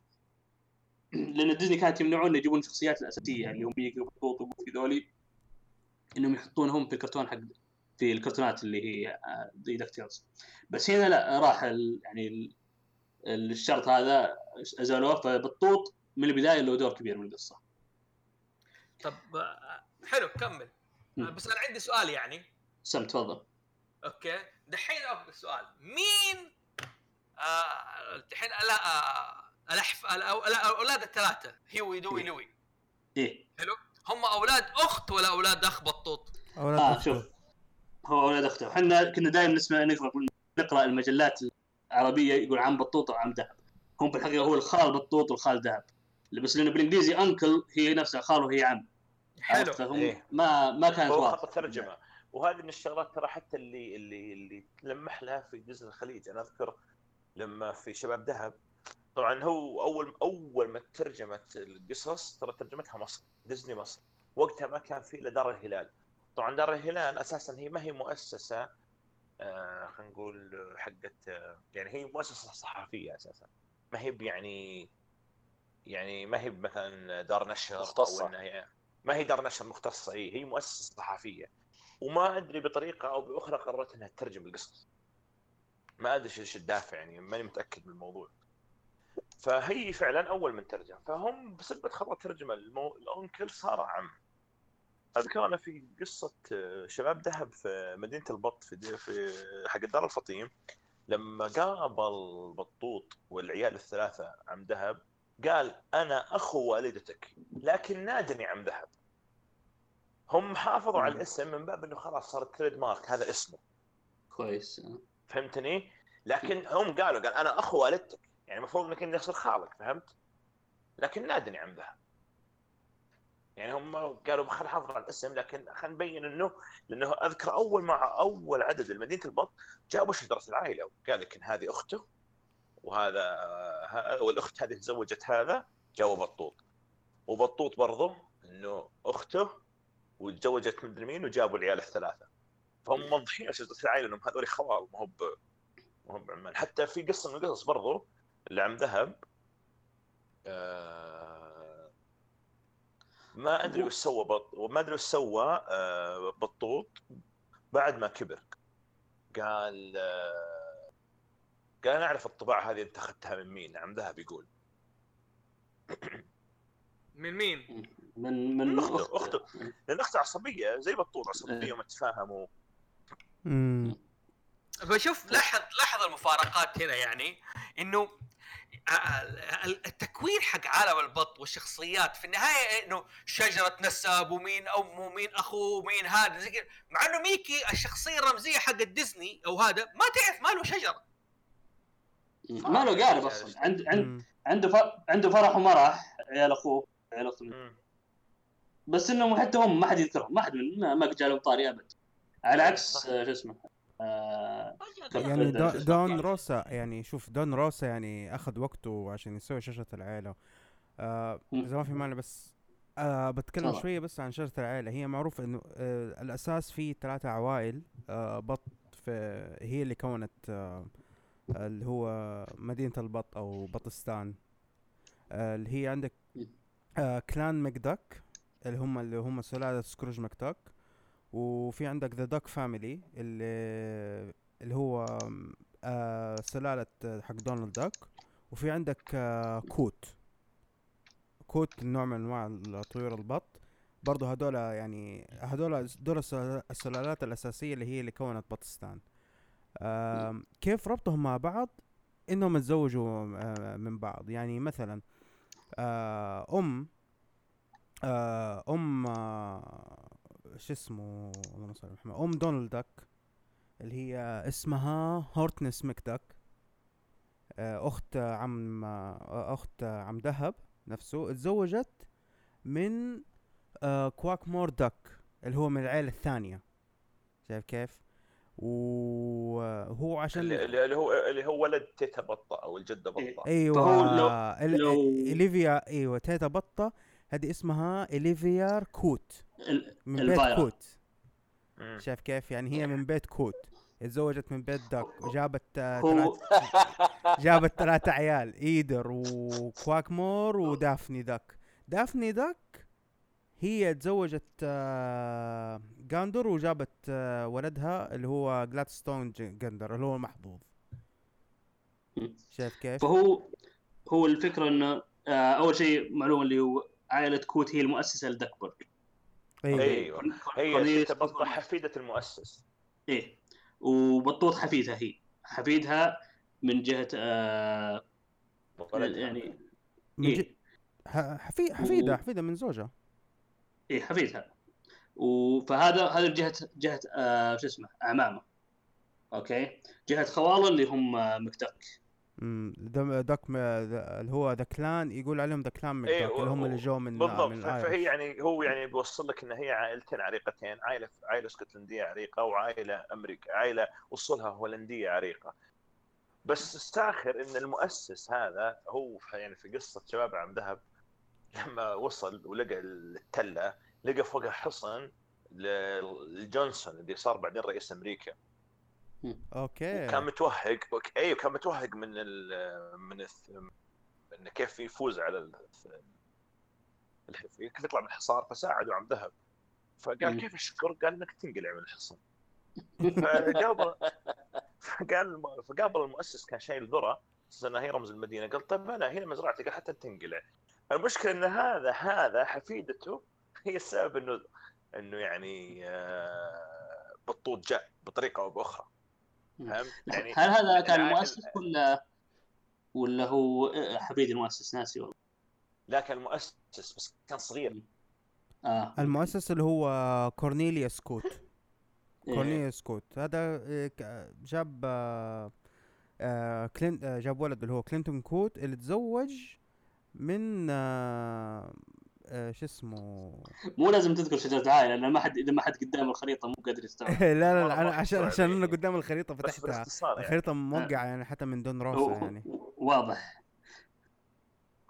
لكن هي يعني بعيدا عن هذا كذا هي يعني بالذات سلسلة شباب ذهب فيها صراحة. يعني تبي تبي تقول إعادة كتابة للتاريخ تبي تقول إنها تط- تطعيم لشغلات كثيرة يعني. آه يعني غير إنه هم كيف ورثت قلع حقتهم من ماكبث. وبعدين لما وصل لأمريكا وقابل وقابل بنجامين فرانكلين وعلمه كيف يسوي النظارة. بالضبط. وبعدين إيه، وفورد و- مخترع السيارة. اي وفورد مخترع السيارة. وهذا الرئيس جونسون قبل ما يصير رئيس طبعا وقت تأسيس أمريكا. عرفت؟ وبعدين آه، هو فعلا صحيح كلامك. ترى إعادة التاريخ إعادة كتابة التاريخ بوجهة نظر بطة. وبعدين يعني والحق قال ترى أبدع فيها إبداع يعني يسوى. تخيل شخص واحد فقط هو اللي كتب الشيء ذا ورسمه. ولازم نذكر شيء ترى رسمه ممتاز. رسم ممتاز. ممتاز هو رسمه ممتاز يعني. أنا أعتبره جدا ممتاز من أحسن الرسامين بالنسبة لي. بس لو تلاحظ الفنانين الثانيين ترى قد يعتبرونه مو أنا اللي تفاجأت فيه. يعتبرونه إيش؟ آه عندي نقاد كثير على الآرت حقينا. مع إني أنا هذا شيء مرة استغربت منه. أنا أنا أعتبره من أحسن رسامين من أحسن رسامين الكوميكس نزل ليه؟ في, نقاد يعني يعتبرون رسمه تعبان ولا إيش؟ مو تعبان بس إنه مو لأنه هو ترى هو مو وظيفته أصلا ما كانت رسام وظيفته كان مهندس. صحيح okay. صحيح. فهو كان هاوي ما كان خلفيته مو فنية. فالناس ناقدين على طريق أسلوب رسمه. إنه يحط تفاصيل بزيادة في أشياء ما لها يعني حتى هو الظاهر في مقابلة له قال إنه يعني okay النقاد لهم وجهة نظر بس أهم شيء أنا بالنسبة لي انه تكون fun يعني. وأبدع يوصلها انه فن. صراحة وصلها. ب- بامتياز. جدا. لكن ال ال هو فعلا هو ترى ترى عائلة البط اللي تمحورت حولها قصص ديزني اللي طبعا بداها هو كارل باركس بس كارل باركس زي ما ذكرت أنت كان هزلي وسطحي. اللي تعمق إيه. فيها وخلى لها جذور دون روسا وخلى لها background وخلى لها خطوط زمنية وخلى. ترابط بين إيه الشخصيات. مو مجرد إن- يبان فيه تفكير إنه مهندس لأنه هو اللي يدخل في التفاصيل وهو اللي لازم يربط شيء بشيء زي كذا. مو, مو ما يتركها كذا سايبة. ف عموما عودة من موضوع عائلة البط إلى موضوع الكرتون. أيوه. آه الكرتون القديم الكرتون الجديد في كثير من شخص ناس يطلع فيه طبعا عمدة وبطوط وال... والعيال الثلاثة. يطلع فيه اللي هو فكري بطة يذكرونه. آه يط- يطلع فيه محظوظه وحسن الحظ آه جايرو فين عبقر جاي جاي آه عبقرينو موجود جايرو موجود آه فنتن كرا... فنتن كراكشل موجود آه بس إنهم خلوه أصول إسبانية فصار اسمه فنتن آه كابايرا كراكشل شيء زي كذا ما أدري وش. آه. ما توقف شوي عن جايرو عبقور يا أخي الشخصية دي غريبة عارف ليه؟ يعني الشخصية هذه لو أنا يعني علاقته مع دهب غريبة. يعني شخصية زي دي المفروض تكون غنية. إي بس. انه عم ذهب عم ذهب في شباب عم ذهب برضه قابل أبوه. مع في نفس قصة التله قابل أبوه. وهو كان له الفضل لأبوه إنه يصير عنده ورشة. فخلاص بما إني أنا ساعدت أبوك أنت بتساعدني الحين. فهي صارت زي كأنها علاقة مو عبودية. آه بس لا ترى بعد شيء ثاني. آه عبقرينو أوكي مخترع بس كل آه، اختراعاته دائما تصير مشاكل. okay دائما ترتد عليه. إيه. إيه. فعشان كذا هو الظاهر ما في أحد مستعد يستثمر معاه غير ذهب إيه. يا بس يا أخي حتى اللي يا أخي يا رجل أنا في حلقة طبعا في الفيلم كرتون في حلقة اخترع حاجة اسمها the time teaser اللي تسرع إيش؟ الوقت. اللي تخليه هو مرة سريع واللي حواليه كل شيء إيش كان مرة يصير بطيء. يا رجل الحلقة دي سووا إيش؟ time loop ورجعوا ورا الزمن راحوا قابلوا قراصنة مع ال Beagle Boys أظن ال Beagle Boys يستاهلوا حلقه دول واحدة كم ولدهم؟ آه، أعتقد تسعة. آه، بس أنا أعرف مو الارقام يعني أكثر أكثر أكثر لا لا كثار هم مرة كثار هم بس هم عائلة تراهم هين هم هم هم في قصة كان عددهم خرافي لكن ليش قلت لك تسعة؟ لأنه في قصة شباب دهب هو قابل لما كان صغير لما أول ما راح أمريكا قابل الابو لحاله ولعن خيرة بعدين يوم شيب قابل الابو مع عياله وأحفاده. عشان كذا قلت لك تسعة. هو في الكرتون الجديد يطلعون. okay ال Beagle مم. Boys فهم آه كثار جدا. okay في أم جد أمهم وجدتهم اللي Ma Beagle وتحتها إيه، يمكن يمكن 50 ولد عندها. مم. okay وكل واحد له كل كلهم متقسمين عصابات هذول. فكل الناس لهم ثيم هذول Beagle Boys الفرنسيين. هذول ال Beagle Boys ال emo. هذول ال Beagle Boys ال- شو اسمه؟ يعني الرئيسيين عرفت؟ ف م- ممكن بي- فيما بينهم مسوين عصابات. إيه هي من عددهم إيه بس مم. أنا كنت أقصد ال- ال- العدد اللي بناء عليه درس إنه كيف هم ظهروا بس مش إنه مم. إيه okay. كم عددهم الفعلي. عارف ال- ال- البيجل بوس في شخصية أمهم دي اللي مخلفتهم كلهم. إيه مم. ما بيجل. ها؟ إيش اسمها؟ ما ما بيجل. ما بيجل هذه أم ال 99 مدري كم يعني عارف كيف؟ ما نبغى نعرف مين أبوهم. أكيد أبوهم مختلفين. ابوهم ابوهم أيوه. أبوهم قد طلع قلت لك في قصة شباب ذهب. حتى في القصة الأخيرة لما ذهب قرر يعتزل ال- الحياة الاجتماعية وراح بطوط والعيال طلعوه من الحياة الاجتماعية. أثناء ما هم طالعين جت العصابة مع مع أبوهم. قالوا نبي نهجم عليه. قال أنا هذا قاهرني من أيام ميسيسيبي. فهمت؟ ف... يجي إنه يطارد إيش يقدر يسرقون شيء من ال- البيت حقه فيجي يطا... قبل ما يطارده يجي ذهب يفتح صندوق ويقول له إيش تسوي؟ قال ما عليك هذا الصندوق فيه شغلات كذا فأخذها وقاعد يرميها عليه رمى عليه أكثر من شغلة وأخرتها قطع قطعة ذهب كذا كبيرة رماها وصقعت في راسه فلفت عليه الشيب قلت الحين عندك القطعة الذهبية ذي؟ قال إيوه الحين عندي فجابوه بال بالقصص حقت شباب ذهب الأبو. لكن ما أذكر أنا إني قد شفته في الكرتون اللي طلع كرتون لا ما أتوقع جابوه. لا لا. عارف لا هي جابوا الأم. هي إيه. تفكرني بشخصية في خزاعة. هي أم واحدة يسموها أم البطون في خزاعة. واحدة كانت متزوج سريعة الزواج وخلفت كل بطون خزاعة. معلش على الشطحة كده بس افتكرت لا هذه لا لا, لا قريبة منها أيوه. عارف كيف؟ يعني لا حسيت إنه في شخصيات فعلا زي كذا يعني مستوحاة من الطريقة اللي هي تكون أم لأولاد كثيرة بشخصيات كثيرة. زي اللي في في سيلفر زي اللي فين؟ في بيج ماما دي اللي فين؟ في آه؟ Big Mom في One Piece. أيوه Big Mom في One Piece إنها مد... إنها كل ما تيجي آه، تسيطر على أي مدينة أو آه، اي مدينة يعني لهم عرق معين أو جنس معين تتزوج منهم وتجيب منهم عيال. على أساس إنها تبغى تسوي العالم يعني a better place إنه كل الاجناس كل الأجناس عندها. آه، فالشخصية هذه يعني دائما عجيب أم لش اللي أولاد كثر وتسيطر وهذا. بس افتكرت البيجل بويز بالهذا حلو. آه أول عزيز مره قلت آه قلت بتتوسع في شخصيه العدو عشان إيش؟ بعدين نرجع.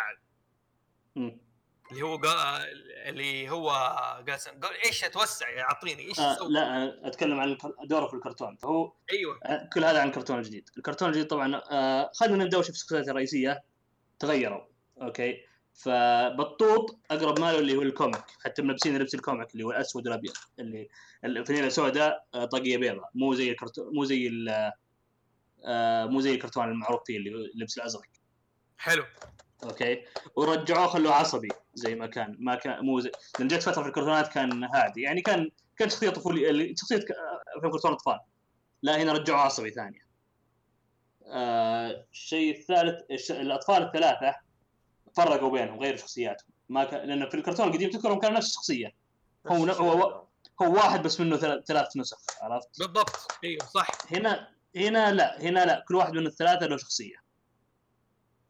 آه من الأشياء الإضافية طبعا في الكرتون تكون كان في زي الجدة أو العجوز اللي هي الخدامة حق الذهب اللي هي إيه. مس بيك سكرتيرة إيه. سك... إيه. فهنا متغيرة هنا هي طبعا هو شو حط في بالك إن الكرتون هذا من يعني نزل 2017 طبعا فيه standards تغيرت والأفكار تغيرت وطبعا أنتم تعرفون الحين. ال...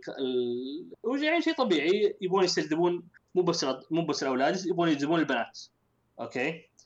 فقالوا بيخلون في شخصيات آه، نساء آه، أو أو بنات آه، أنثوية. أنثوية لها دور أكبر في الكرتون. Webby البنت اللي كانت في الكرتون الأصلي الكرتون الأصلي كانت يعني زي قلتها بس تمشي وتصيح وينقذونها كل مرة. هنا لا هنا خلوها أكشن هي أكثر واحدة أكشن. هي لأن وجدتها لأنها هي أصلا عميلة سرية في ال MI6 wow. لا يا رجل. أنا ما كملت المسلسل فعشان كذا استغربت. من جدك؟ إيه في هي هي الجدة هذه هي كانت عميلة سرية بعدين صارت تشتغل مع دهب. okay؟ وبنتها طالعة عليها. right يعني شوف في الحلقة الأولى هم أصلا آه، العيال آه، الفكرة وشو؟ فكرة المسلسل إيش؟ إن بطوط ودهب أو أو بالاحرى بطوط يبي يروح يتقدم على وظيفة لأنه طفران كالعادة. وال baby sitter اللي جايبه عشان ينتبهون الاطفال هذولي لعبوا على الأطفال وارسلوها ظهر ولاية ثانية ولا. okay؟ ف تورط ما ما عنده أي مكان يوديهم قال بنروح قال تعالوا معي بوديكم مكان. وراكبين السيارة وقال وين بنروح؟ قال بوديكم لم Scrooge McDuck قالوا Scrooge McDuck اغنى رجل في العالم قالوا بس جاء اليوم اللي جيت بتبيعنا فيه. أنا رايح تبيعنا أنت الحين. واو. ف فوصل هناك وقال شوف هذول عيال أخوي آه انتبه لهم أنا بروح أقدم عندي مقابلة وبر. فهو اللي صاير بطوط وذهب له عشر سنوات ما تكلموا مع بعض زعلين فالموسم الأول يدور عن ليش كانوا متزاعلين طبعا هو يقول لك تكتشف من الحلقة الأولى إنه السبب الرئيسي يدور حول أم الأولاد. okay. إيه. أم الأولاد اللي هي أخت بطوط التوأم اسمها ديلا داك. ف آه، هي ال- ال mystery الغموض اللي يدور حول الموسم الأول آه، ما ودي أتك- ما ودي أتكلم عن المواسم الثانية لأن فيها spoilers اللي لا لا لا بالعكس يعني أنا مبسوط وخلينا زي كذا لأنه أنا بيني وبينك يعني آه، ما كنت متحمس ل DuckTales الجديد إلا مره قلت لي بالط... ال- ال- الوصفة اللي وصفت لي اياه ده عارف كيف؟ صار عالم موحد كل الشخصيات القديمة جابوها وعلى قولهم ميكي موجود وجوفي موجود والدنيا آه، كلها. ميكي مو موجود. آه، في في تلميحات الميكي بس ميكي نفسه ما يجي. أها آه لا يعني ال...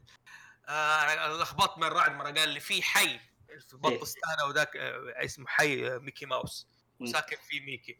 فبس شكله حماس يعني وتقول لي هو في أشياء شوف في أشياء جدا أقدرهم عليها. في أشياء أحس إن okay طبعا طبيعي هو موجه للأطفال. ف ف آه، في حلقات بتكون آه، يعني طفولية نوعا ما أو توجهها يعني okay ممل شوي. okay؟ والله شوف DuckTales القديم يعني تقريبا كان موجه بس كانت حلوة إنه إيش؟ إنه مغامرات. مم. في أكشن. يعني ما في حلقة زي ما تقول إيش؟ ما في أي حاجة. بس على السيرة هنا هل عم دهب ليه جانب عاطفي مثلا في القصة المصورة أو في الجديد؟ في القديم الجديد؟ يعني في الجديد في الحين بقول لك بقاء في الجديد وفي قصص مصورة. عم دهب في ال DuckTales اللي هو الج- افلام كرتون اللي في. نهاية الثمانينات. كان يجي في قناه السعودية. يعني جاي إنه مثلا إيش؟ إنه بعد ما صار غني مدري كان دائما يشعر بفراغ. إيه. حلو؟ لكن مع مره جاء هي ودوي لوي البيت عنده يقول لك انت اتملت حياته. صار أكبر مخاوفه حتى إيش هي؟ إنه ممكن يفقد أولاد أخته دول. أولاد هذا- أخته. هذا جزء مركزي من القصة. في ال... يعني من صراحة من أح... من أكثر شوف اللي يحب عم دهب يشوف الكرتون الجديد. okay؟ ما ما أقول ما أقول إنه كامل في عيوب بس إنه في أشياء جدا ممتازة في مشاهد جدا مؤثرة. حلو حلو. أنا هذا هذا اللي بحاول ألمح عليه. دائما okay لو طريقة الرسم أنا لما شفتها ما تشجعت حلو؟ مم. يعني طريقة الرسم شوية حسيت إنه بالغوا في الهزلية أكثر هو شوف هو هزلي في الأخير. ولكن تعرف آه، آه، هو بس معلش ترى في واحد فيه طالع له صدى طيب. آه هو أوكي توجههم هزلي. بس إنه في كم حلقة كذا تطلع لك يكون يعني يشدوا على المشاعر شوي. حلو حلو. جميل. طيب. آه وأظن كذا اخذنا كفايتنا بس- وتكلمنا ش- عن عم ذهب وعن عالم وعالم البط والشخصيات الموجودة واعدائه آه أنا دحين خلاص بختم الحلقة بكل واحد يقول إيش أحلى مثلا لحظة لعم ذهب يعرفها؟ آه في شيء معلش ودي أتكلم عنه بس ما تطرقنا له. قول. إنه آه يعني كون قصص Scrooge McDuck ترى مستنبطة في الميديا كثير. تدري إنه يعني فيلم Inception بالكامل فكرته مأخوذة من قصة بطوط اي صحيح. ثاني معليش. فيلم انسبشن حق آه، كريستوفر نولان. أيوه. القصة القصة مع كثير من يعني فكرة إنهم أول شيء يدخلون في حلم شخص، فكرة انه جوا الحلم يدخل جوا حلم ثاني، فكرة إنه عشان ينتقل من حلم أسفل لحلم أعلى لازم يطيح من كرسي أو يضيح نفسه. هذه كلها مأخوذة من قصص من قصة عن ذهب. ياها إي والله صحيح. انت بتقول لي نولان يعني بجلالة قدره مثلا هذا أخذ في النهاية من دون روزا و Carl Barks مو استنباط بالعكس أخذ شيء كبير، أخذ يعني تقريبا core القصة كاملة أخذها منه. هذا أنت رأيك ولا معتمد في. نقاش صار زي كذا؟ لا. لا لا هذا مكتوب مكتوب مكتوب فين؟ عينك انت وين قال القصة؟ اوريك القصة ارسلها لك شوف ابحث ابحث اكتب اكتب Inception دون روسا اكتب بس ومذكورة في. ويكيبيديا بالمناسبة أنا طبعا دحين طبعا شوف نولان نو- نولان ما اعترف ما قال إيه ما يقول يقول أنا يمكن وصلتني بطريقة أو بأخرى يعني ما ما أدري من كيف جاتني الفكرة بس ان الفكرة يعني هي يعني ما أقول مسروقة بس مستنبطة بشكل كبير من القصة هذه. يا أخي تصدق. لاحظت فعلا. إنه فعلا حتى في عم ذهب ال DuckTales انه القصص فعلا بتأثر نوعا ما أو لها صدى كبير على الافلام آه ما شيء ثاني- معروف الش... ت- تعرف مقدمة شو اسمه هذا؟ انديانا جونز الفيلم الأول. إيه. okay. المقدمة انقسمت قس- قسمين قسم سواه اللي هو ستيفن سبيلبرغ وقسم سواه جورج لوكاس حلو. okay. كل اثنين مستنبطة من من شو اسمه من قصص عم ذهب من إيه من الكوميكس إيه. من ال comic ت- واو. عشان أذكرك مشهد المشهد اللي أخذ التمثال وطاحت وراه حصات هذا مأخوذ نفسه من من من, من قصص بطوط أو من ذهب okay؟ والمشهد اللي يوم يوم طلع برا المعبد هذا ولحقوه اللي هو شو اسمه السكان الأصليين آه هذا أيضا مستمد من قصة ثانية. من بطوط. وهذا هذا okay هذا قد كنت هذا هم اعترفوا رسميا إنه لا إحنا استنبطنا منه. إيه. اثنينهم سبيلبرغ في حالة نولان لا. ها- لا لا. لا الاخير اي يوم انحشر قال يمكن قريتها يمكن قريتها وأنا صغير. والله يا أخي دون روزا Carl Barks هذول يعني. الناس الناس تركز في بابريكا في حالة Inception السالفة هذه. فاكر في تويتر لما حطيت إنه أربع شخصيات تكون شخصيات أنت حطيت كارل باركس رعد. وقلت إنه أساسا سوى عم دهب. أنا قلت عارف okay سوى عم دهب بس دحين لقيت إنه فعلا شخصية عظيمة يعني هو دون روزا. كارل باركس دون روزا سوى شخصية وعالم يعني مو بس هذا عالم شوف- البط شوف، هو هو الفضل صراحة لدون روسا okay كارل باركس هو اللي اخترع الشخصية بس أنت الحين ممكن أنت تخترع الشيء. وتحتاج أحد هو اللي يبني عليه وهذا اللي صار في هذه الحالة دون روسا هو اللي خلى من الشخصية له قيمتها العالية مرة يعني آه خلاها أ- أ- أقرب من إنها. أكثر من إنها مجرد comic عابر فهمت قصدي؟ آه هو عشان آه ودي أضيف إنه يعني كارل باركس ترى له فضل كبير جدا لا يزال يعني ما أنسى ما انفيه بس إنك. تعرف انت سالفه تضارب ال timeline هذه. آه، في حالة الثاني انهاها يعني. صار- انت عندك comic مبني بطريقة آه، منطقية أكثر ومترابطة أكثر. هو شوف هي زي ما تقول آه، مدرستين في ال comics okay؟ كل واحد كان له توجهه. وحتى يعني دون روسا يعني ما هو مستحيل يقول أنا أحسن من كارل باركس لأنه هو كارل ما باركس قال ما ما قد قال هو كله الفضل إيه. كله. هو إيه. ف كارل باركس بعد يعني okay أنا شوف أنا شخصيا أحب دون روسا أكثر لأنه أسلوبه في الروايات وطريقة رسمه وهذا تعجبني أنا شخصيا أكثر. بس في ناس قد يفضلون كارل باركس لأنه هم مدرستين مختلفتين يعني okay؟ فيه ما تقول واحد الثاني. إيه لا لا أنا ما ما, ما أقولها من باب تفضيل. أنا أنا يعجبني بعد كارل باركس يعني هو عندي هو عندي بعد دروس على طول لكن أقصد إنه شنو أقول لك؟ أحيانا تجيك شخصية حلوة وقصصها رهيبة لكن في تفاصيل ثانية انضافت لما صار عندك انت خط زمني موحد عندك آه، ترابط منطقي مع الشخصيات الفرعيه الثانية فهمتني؟ بعدين ال- ال- البعد ال- ال- البعد الادبي والتاريخي فيها مو طبيعي. هذا اللي أنا مخليني أعتبرها شخصية ممكن ممكن تكون روائية أكثر منها comic يعني.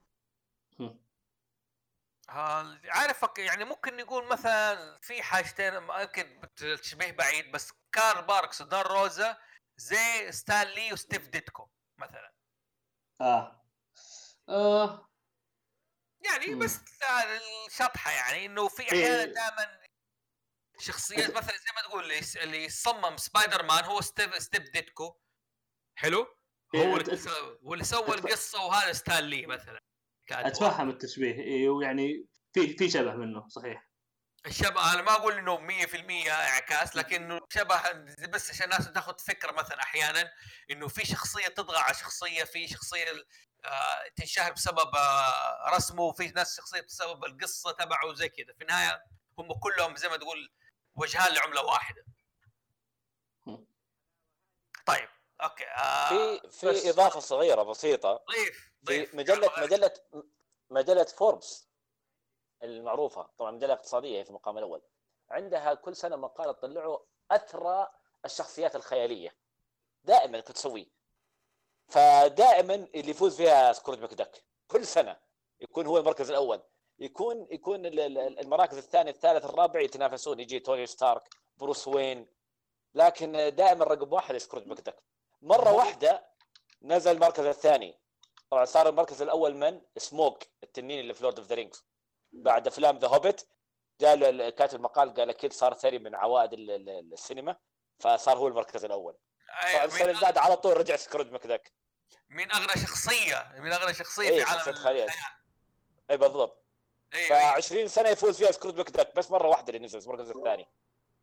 في يا أخي السموك اللي إيش سوى؟ فكرة حلوة جمع- يعني. جمع حرامي إيش؟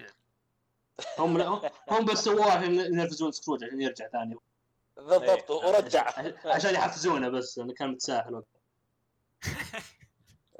طيب في إضافات أخرى قبل ما نختم هو بس إذا كان شيء أنا أنا بس أحب إني أشيد بترجمة آه، حقت ديزني الخليج آه، هي للأسف إنها ما طولت ما كملت يعني جلست فترة طويلة آه، هي دار الفطيم وبعدين طبعا طلعت منهم وتنقلت بين أكثر من دولة آخرتها كان عندنا في الشركة السعودية للنشر المتخصص.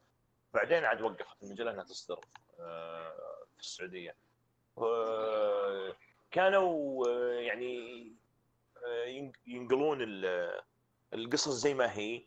للأسف كانت دار الهلال وقتها المصرية في قصص كانت تتعدل تنقطع بعض الشغلات اللي انه مثلا النكات.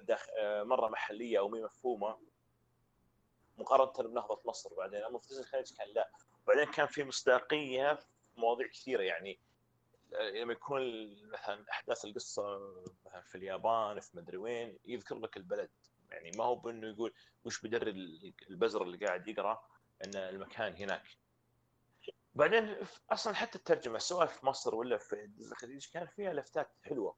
يعني تعرف هو يعني أبص يعني أشهر شيء سالفة هذه مك دك انه على أساس إنه يكون اسكتلندي لقولها أكثر من مخرج. فديزني مصر خلوه آل بطة.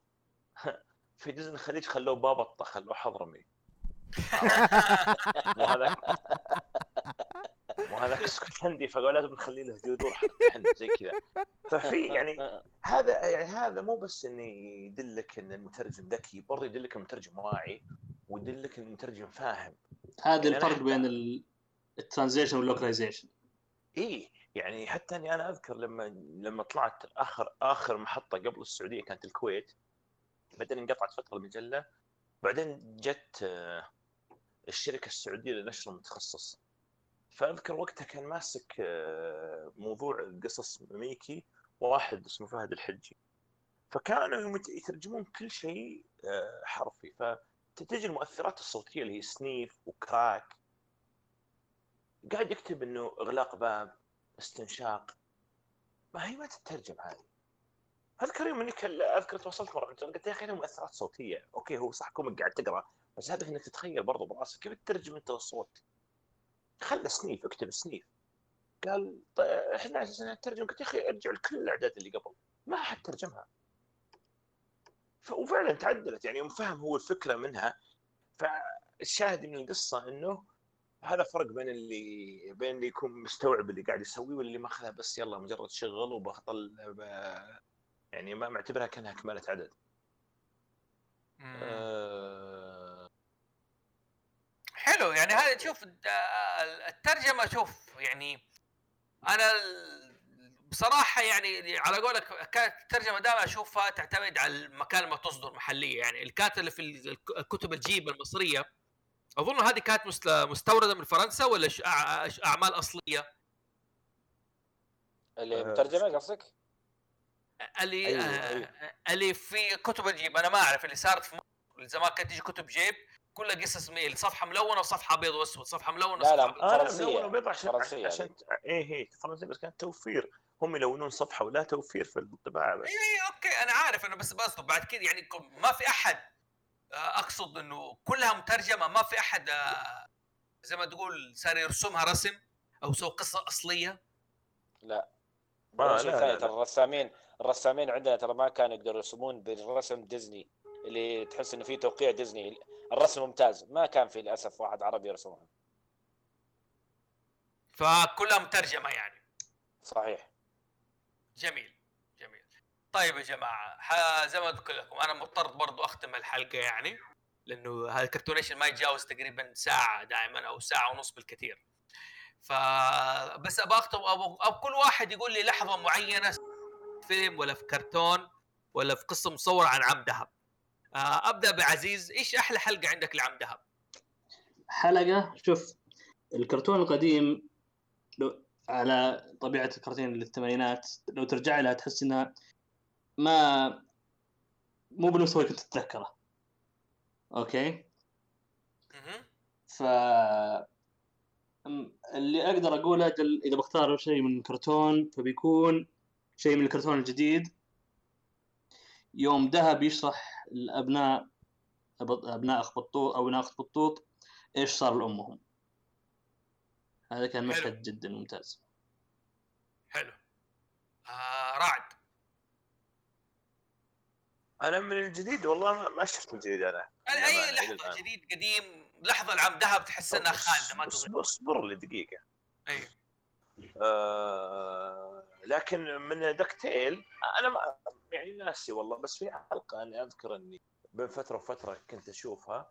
في حلقة لما ياخذ البنت الصغيرة ال- هذه ويوديها إلى محل الآيس كريم اللي يقدم نكهه الفستق فهي تقول فهو يعني يقول لها يقول لها إنه إيش رأيك ناكل ايس كريم؟ قالت يلا قالت تبغى نكهه فستق؟ قالت صح من زمان عنها لما دخلت لقيت المحل يبيع بس نكهه فستق قالت ليش؟ قال أنا أحب نكهه الفستق قالت طب والزباين؟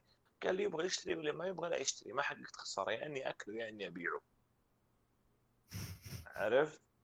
فلكن بالقصص أنا أح- أنا صراحة غير خل شباب ذهب برا من القصص أنا أحب حقة الفارس الأسود مرة. أما أما إن كان في لحظة في لحظة في شباب ذهب لما رجع لاسكتلندا ودرى ان أمه ماتت. وراح يزورها قبل ما يسوي أي شيء. ثاني هذا في الكوميكس أنا ها؟ هذه في الكوميك هي هذه رهيبة اللحظة. أوكي. يعني ما كانت متسلسلة كانت أحداث ما هي شورتس عارف كيف؟ اي لا. هي فوليوم نزلت فوليوم ظهر اثنين فوليوم. أو إيه، كل القصص كان واحدة كانت- أصلا واحدة من الفوليومز إنه وهو يرجع يتنافس مع العائلة اللي تنافسهم. هم مكدك وفي ويتشكرز إيه. فبالمبارزة يطيح ذهب وعلى أساس إنه مات. فتطلع روحه فوق لأجداده. أجداده فوق يلعبون جولف عرفت؟ فيقولون أنت أنت إيش جابك؟ مو الحين بدري. على أساس إنهم طبعا هم في العالم الآخر فيعرفون إيش بيصير على اللي تحت. قال بس كنا نتبارز معهم وكذا. قال أنت المفروض تصير غني تدري؟ ارجع تحت. بعدين إحنا ما خلصنا مباراة الجولف عشان تيجي تكمل معانا. وفعلا يعني إنه طلعت غيبوبة ما طلعت وفاة. هم رجعوا عشان أغنى بط في العالم ولا عشان أبخل في العالم؟ عشان؟ مو أبخل بيكون أبخل أبخل أبخل بيكون بطه في العالم. رجعوه عشان شرف العائلة اللي هو أبخل بطه في العالم إيه؟ مو أغنى ما همه من أغنى. ما هم من أغنى البخل بس. حلو. آه مرعي. لا شوف أفضل شيء في طبعا قصة شباب ذهب يوم ودع أبوه. كانت لحظة مؤثرة بصراحة.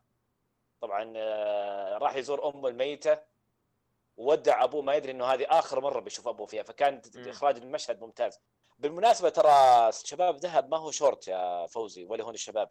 ترى قصة حياتهم من عام 1867 يوم كان عمره 10 سنين وتنتهي في 1967 يوم وصل عمره 88 سنة. بالضبط. إيه فبالتالي مصدوم- يعني ما هي يعني. ما هي شورت لا لا لا لا ما هي شورت قصة حياته كيف كان طفل فقير وكيف صار أغنى بطة في العالم وكيف تحول من إنسان المفروض أنه يكون طبيعي ويتزوج إلى هذا الجشع البخيل وكيف الحوافز اللي جاته وكيف الصدمات اللي في حياته جات. ال comic ترى ليس comic هزلي. إعادة تاريخ زي ما رعد قال وفي نفس الوقت ترى فيه مشاعر.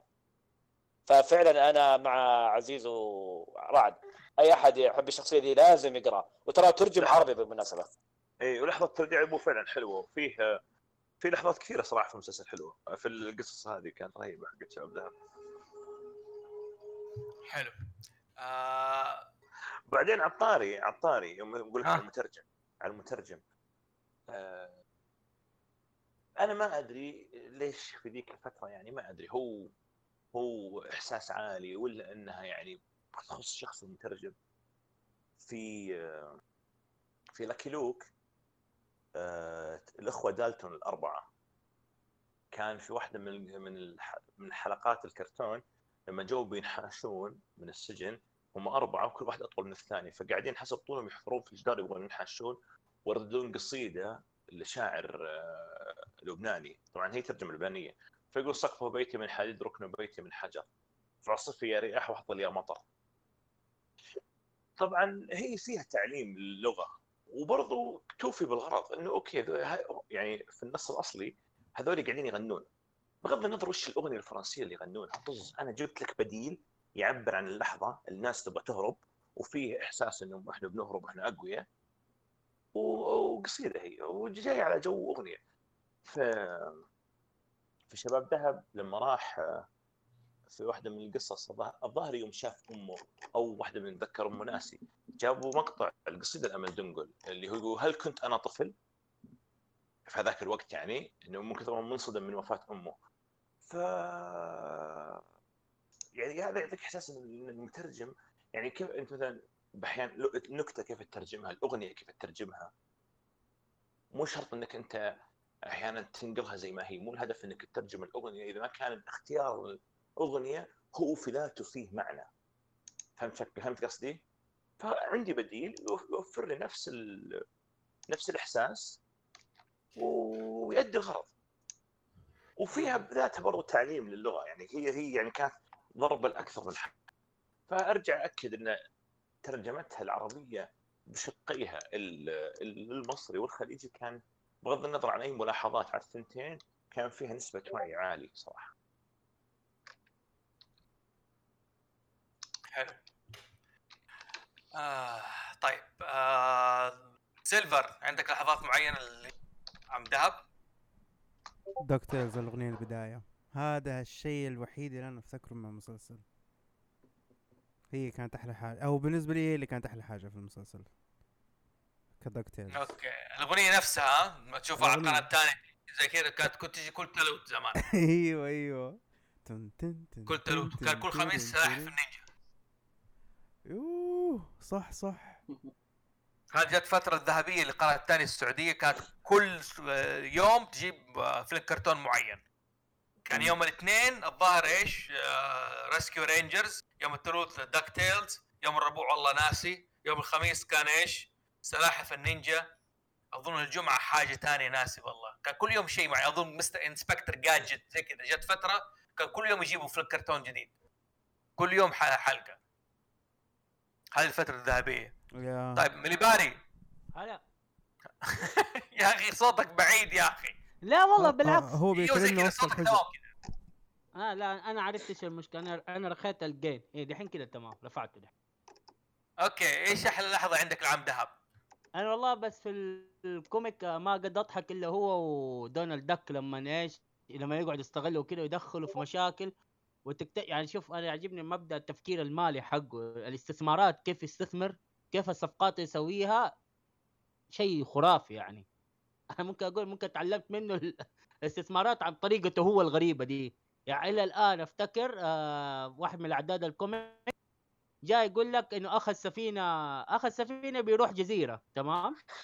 فقال أنا بسوي هناك صفقة. أخذ له بطوط الأولاد معاه الثلاثة وقال نبي نروح هناك.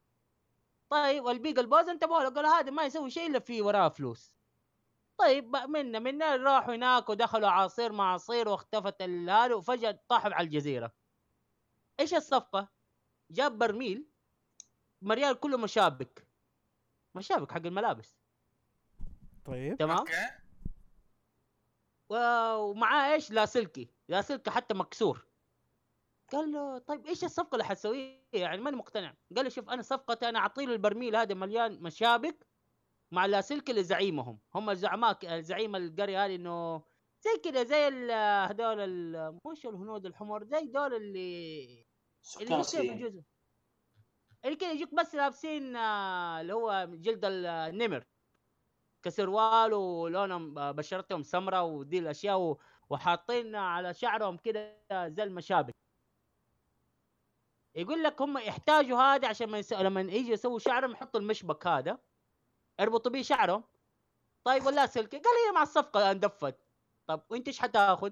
قال أنا حاخذ آه، جزيرة فيها كهف. طيب الكهف هذا ما في له شيء. طبعا بيجل الباص سمع الكهف ده قالوا أكيد فيها فلوس وراح ما حصل ولا شيء ما حصل إلا فحم. فهم قالوا طيب إيش الفائده تاخذ آه، كهف مليان فيه له فحم؟ قال لا أنا حستثمره مدة آه، 60 سنة يصير ألماس. واو. فهمت ال- الرابط كيف؟ حس مو مو على كيفه بعد بعد 60 سنة يصير فاهم بعد الناس. 60 سنة يقول لك إيه حصل عليها الماس. هذه استثماره. يقول لك أنا هذا حستثمر فيه 60 سنة. بس أنت عارف إيش ال... إيش ال... إيش اللي دفعوا؟ مم. يعني شوف تفكير المالي كيف يعني؟ تعرف هناك بطوط خلاص. هناك أصلا بطوط دخل غيبوبة. من بعدها يعني. بدايه القصة دخل غيبوبة. إيش بك؟ سفينة بتغرق وتضارب مع ال Beagle Boys في الأخير جزيرة فيها فحم عشان 60 سنة. فهذه إلى يومك هذا أقعد أضحك القصة هذه كل ما افتكر أقعد بس أضحك. حلو. أنا بالنسبة لي الحلقتين يعني حلقة في دا في DuckTales كانت غريبة بالنسبة لي. أوكي؟ لأني أفتكر اللي صادفت. يعني قاعد أقول عم دهب دائما اعتمد على المسلسل القديم دائما اعتمد على داك وورث البتلر حقه الخادم حقه. ما له أي حلقة ما له أي دور. فافتكر الحلقة اللي فصلوا فيها عم دهب. وطلعوا الفضاء وطلعوا ما أدري بعدين نرجع اكتشف اكتشفت عم دهب الفضاء هذه رهيبة. ها؟ حقة الفضاء رهيبة. إي إي إي. بعدين اكتشف إنه عم دهب فصل إيش؟ آه ما يعرف السوق ما يعرف السيارة. قاعد يقبع في الطرقات ما أدري بعدين قال لي داك وورث بالله تعال ارجع وظيفتك. كانت غريبة بالنسبة لي الحلقة دي لاني صادفت أقول ليش ما في حلقة عن دان آدم؟ رهيبة لأنهم لما نشبوا في ال- صارت الخزنة عبارة كوكب زي زحل عرفت؟ الخزنة الفلوس تدور على حول- حول الخزنة زي زحل. هو هو هو جاء نيزك وكان نيزك في جهاز و هو شوف أنا أقدر أتكلم كثير عن الكرتون الجديد. عن هذا بس ما ودي. آه، إذا استمرينا كذا أحس ب... ب... القصة كلها. والله شوف أنا عارف إنه عندك أشياء على المسلسل الجديد تقول أشياء يعني بس يعني خلاص نكتفي بكذا. لكن في حلقة بس في قصة في الكوميكس ما أدري هل هي في حياة الشباب عم دهب ولا كانت متفرقة لوحدها ما أعرف. في مرة قرأت جدي الله يرحمه لقيت مجلة. آه، هذه الجيب عم دهب بيحكي أظن عمه ما أدري جده. بس اللهم واحد شبهه مرة وكان حرامي. حرامي كاوبوي وخبى ذهب. حلو؟ وإنه س- إذا لقى الذهب هذا إذا عدى عليه 50 سنة ياخذه هذا اللي افتكر قصه هل في شيء زي كذا إنه عم ذهب؟ عمه حرامي ولا حرامي كاوبوي شيء زي كذا في القصص ولا لا؟ كانت هو, قصة هو, هو واحد من عمانه في مسبي اللي كان ملكع اللي يقعد في البارات ويدخن وإنه عاصر وعاصر وعاصر بالاخير طلع بس سواليف. في لأول ما وصل أمريكا. لكن آه، في واحدة من القصص حلوة اللي هي يقرأ هو مخطوط آه، يوناني عن واحد آه، ظاهر أحمد إذا كنت تذكر اسمه ذكرني إياه إنه كان هو أغنى واحد في العالم وقتها. بس إنه إيش عملاته من الفضة ما هي من الذهب. في وكان مغبيها في معبد بس المعبد هذا عواميده منتثرة في, في أوروبا وفي أمريكا فيطوف العالم يجمع العواميد يروح عند المايا ويروح مدري وين ويروح يطوف اليونان. لين ما جمع المعبد جمع الخزنة يوم دخل وكذا ولقى الآدمي هذا من ذاك الوقت وحتى هو عنده عملة زيه يعني يقول هذه شكلها عملة الحظ حقتي ومن الكلام. بس بالأخير قال الحين ليش أعمرها؟ إذا عمرتها كني أقول في واحد ثاني اغنى مني قام رجع هدها ونثر العواميد مرة ثانية. لا حول ولا قوة ليه؟ ليه؟ ليه؟ يا أخي. يظل هو هو هو المتمركز هو الأول. طيب طيب كيف؟ ما علينا. عموم شباب يعطيكم العافية. يعني أنا أشكر عزيز مرة على وجوده في الحلقة دي وأحمد كان صادق لما قال نحتاجه في الحلقة دي. كان الله مصر. أبد ما سوينا شيء والله. لا لا بالعكس مرة أثريت الحلقة بشكل كبير. يعني بالذات المسلسل الجديد شوف دحين على الايتونز على ال Apple TV نزلته وبتفرج وخلاص. أيام الحجر حتكون أيامي مع DuckTales. أخرج بطه إن شاء الله. انتهى الحجر وبط بإذن الله. بإذن الله. يعطيكم العافية. شكرا يعافيك. شكرا مرعي. الله يعافيك. حياك الله. حياك. شكرا سيلفر. الله يحييك الله يحييك. وشكرا مليباري الله يخليك حبيبي. يلا حبيبي نشوفكم على خير. والسلام عليكم ورحمة الله وبركاته.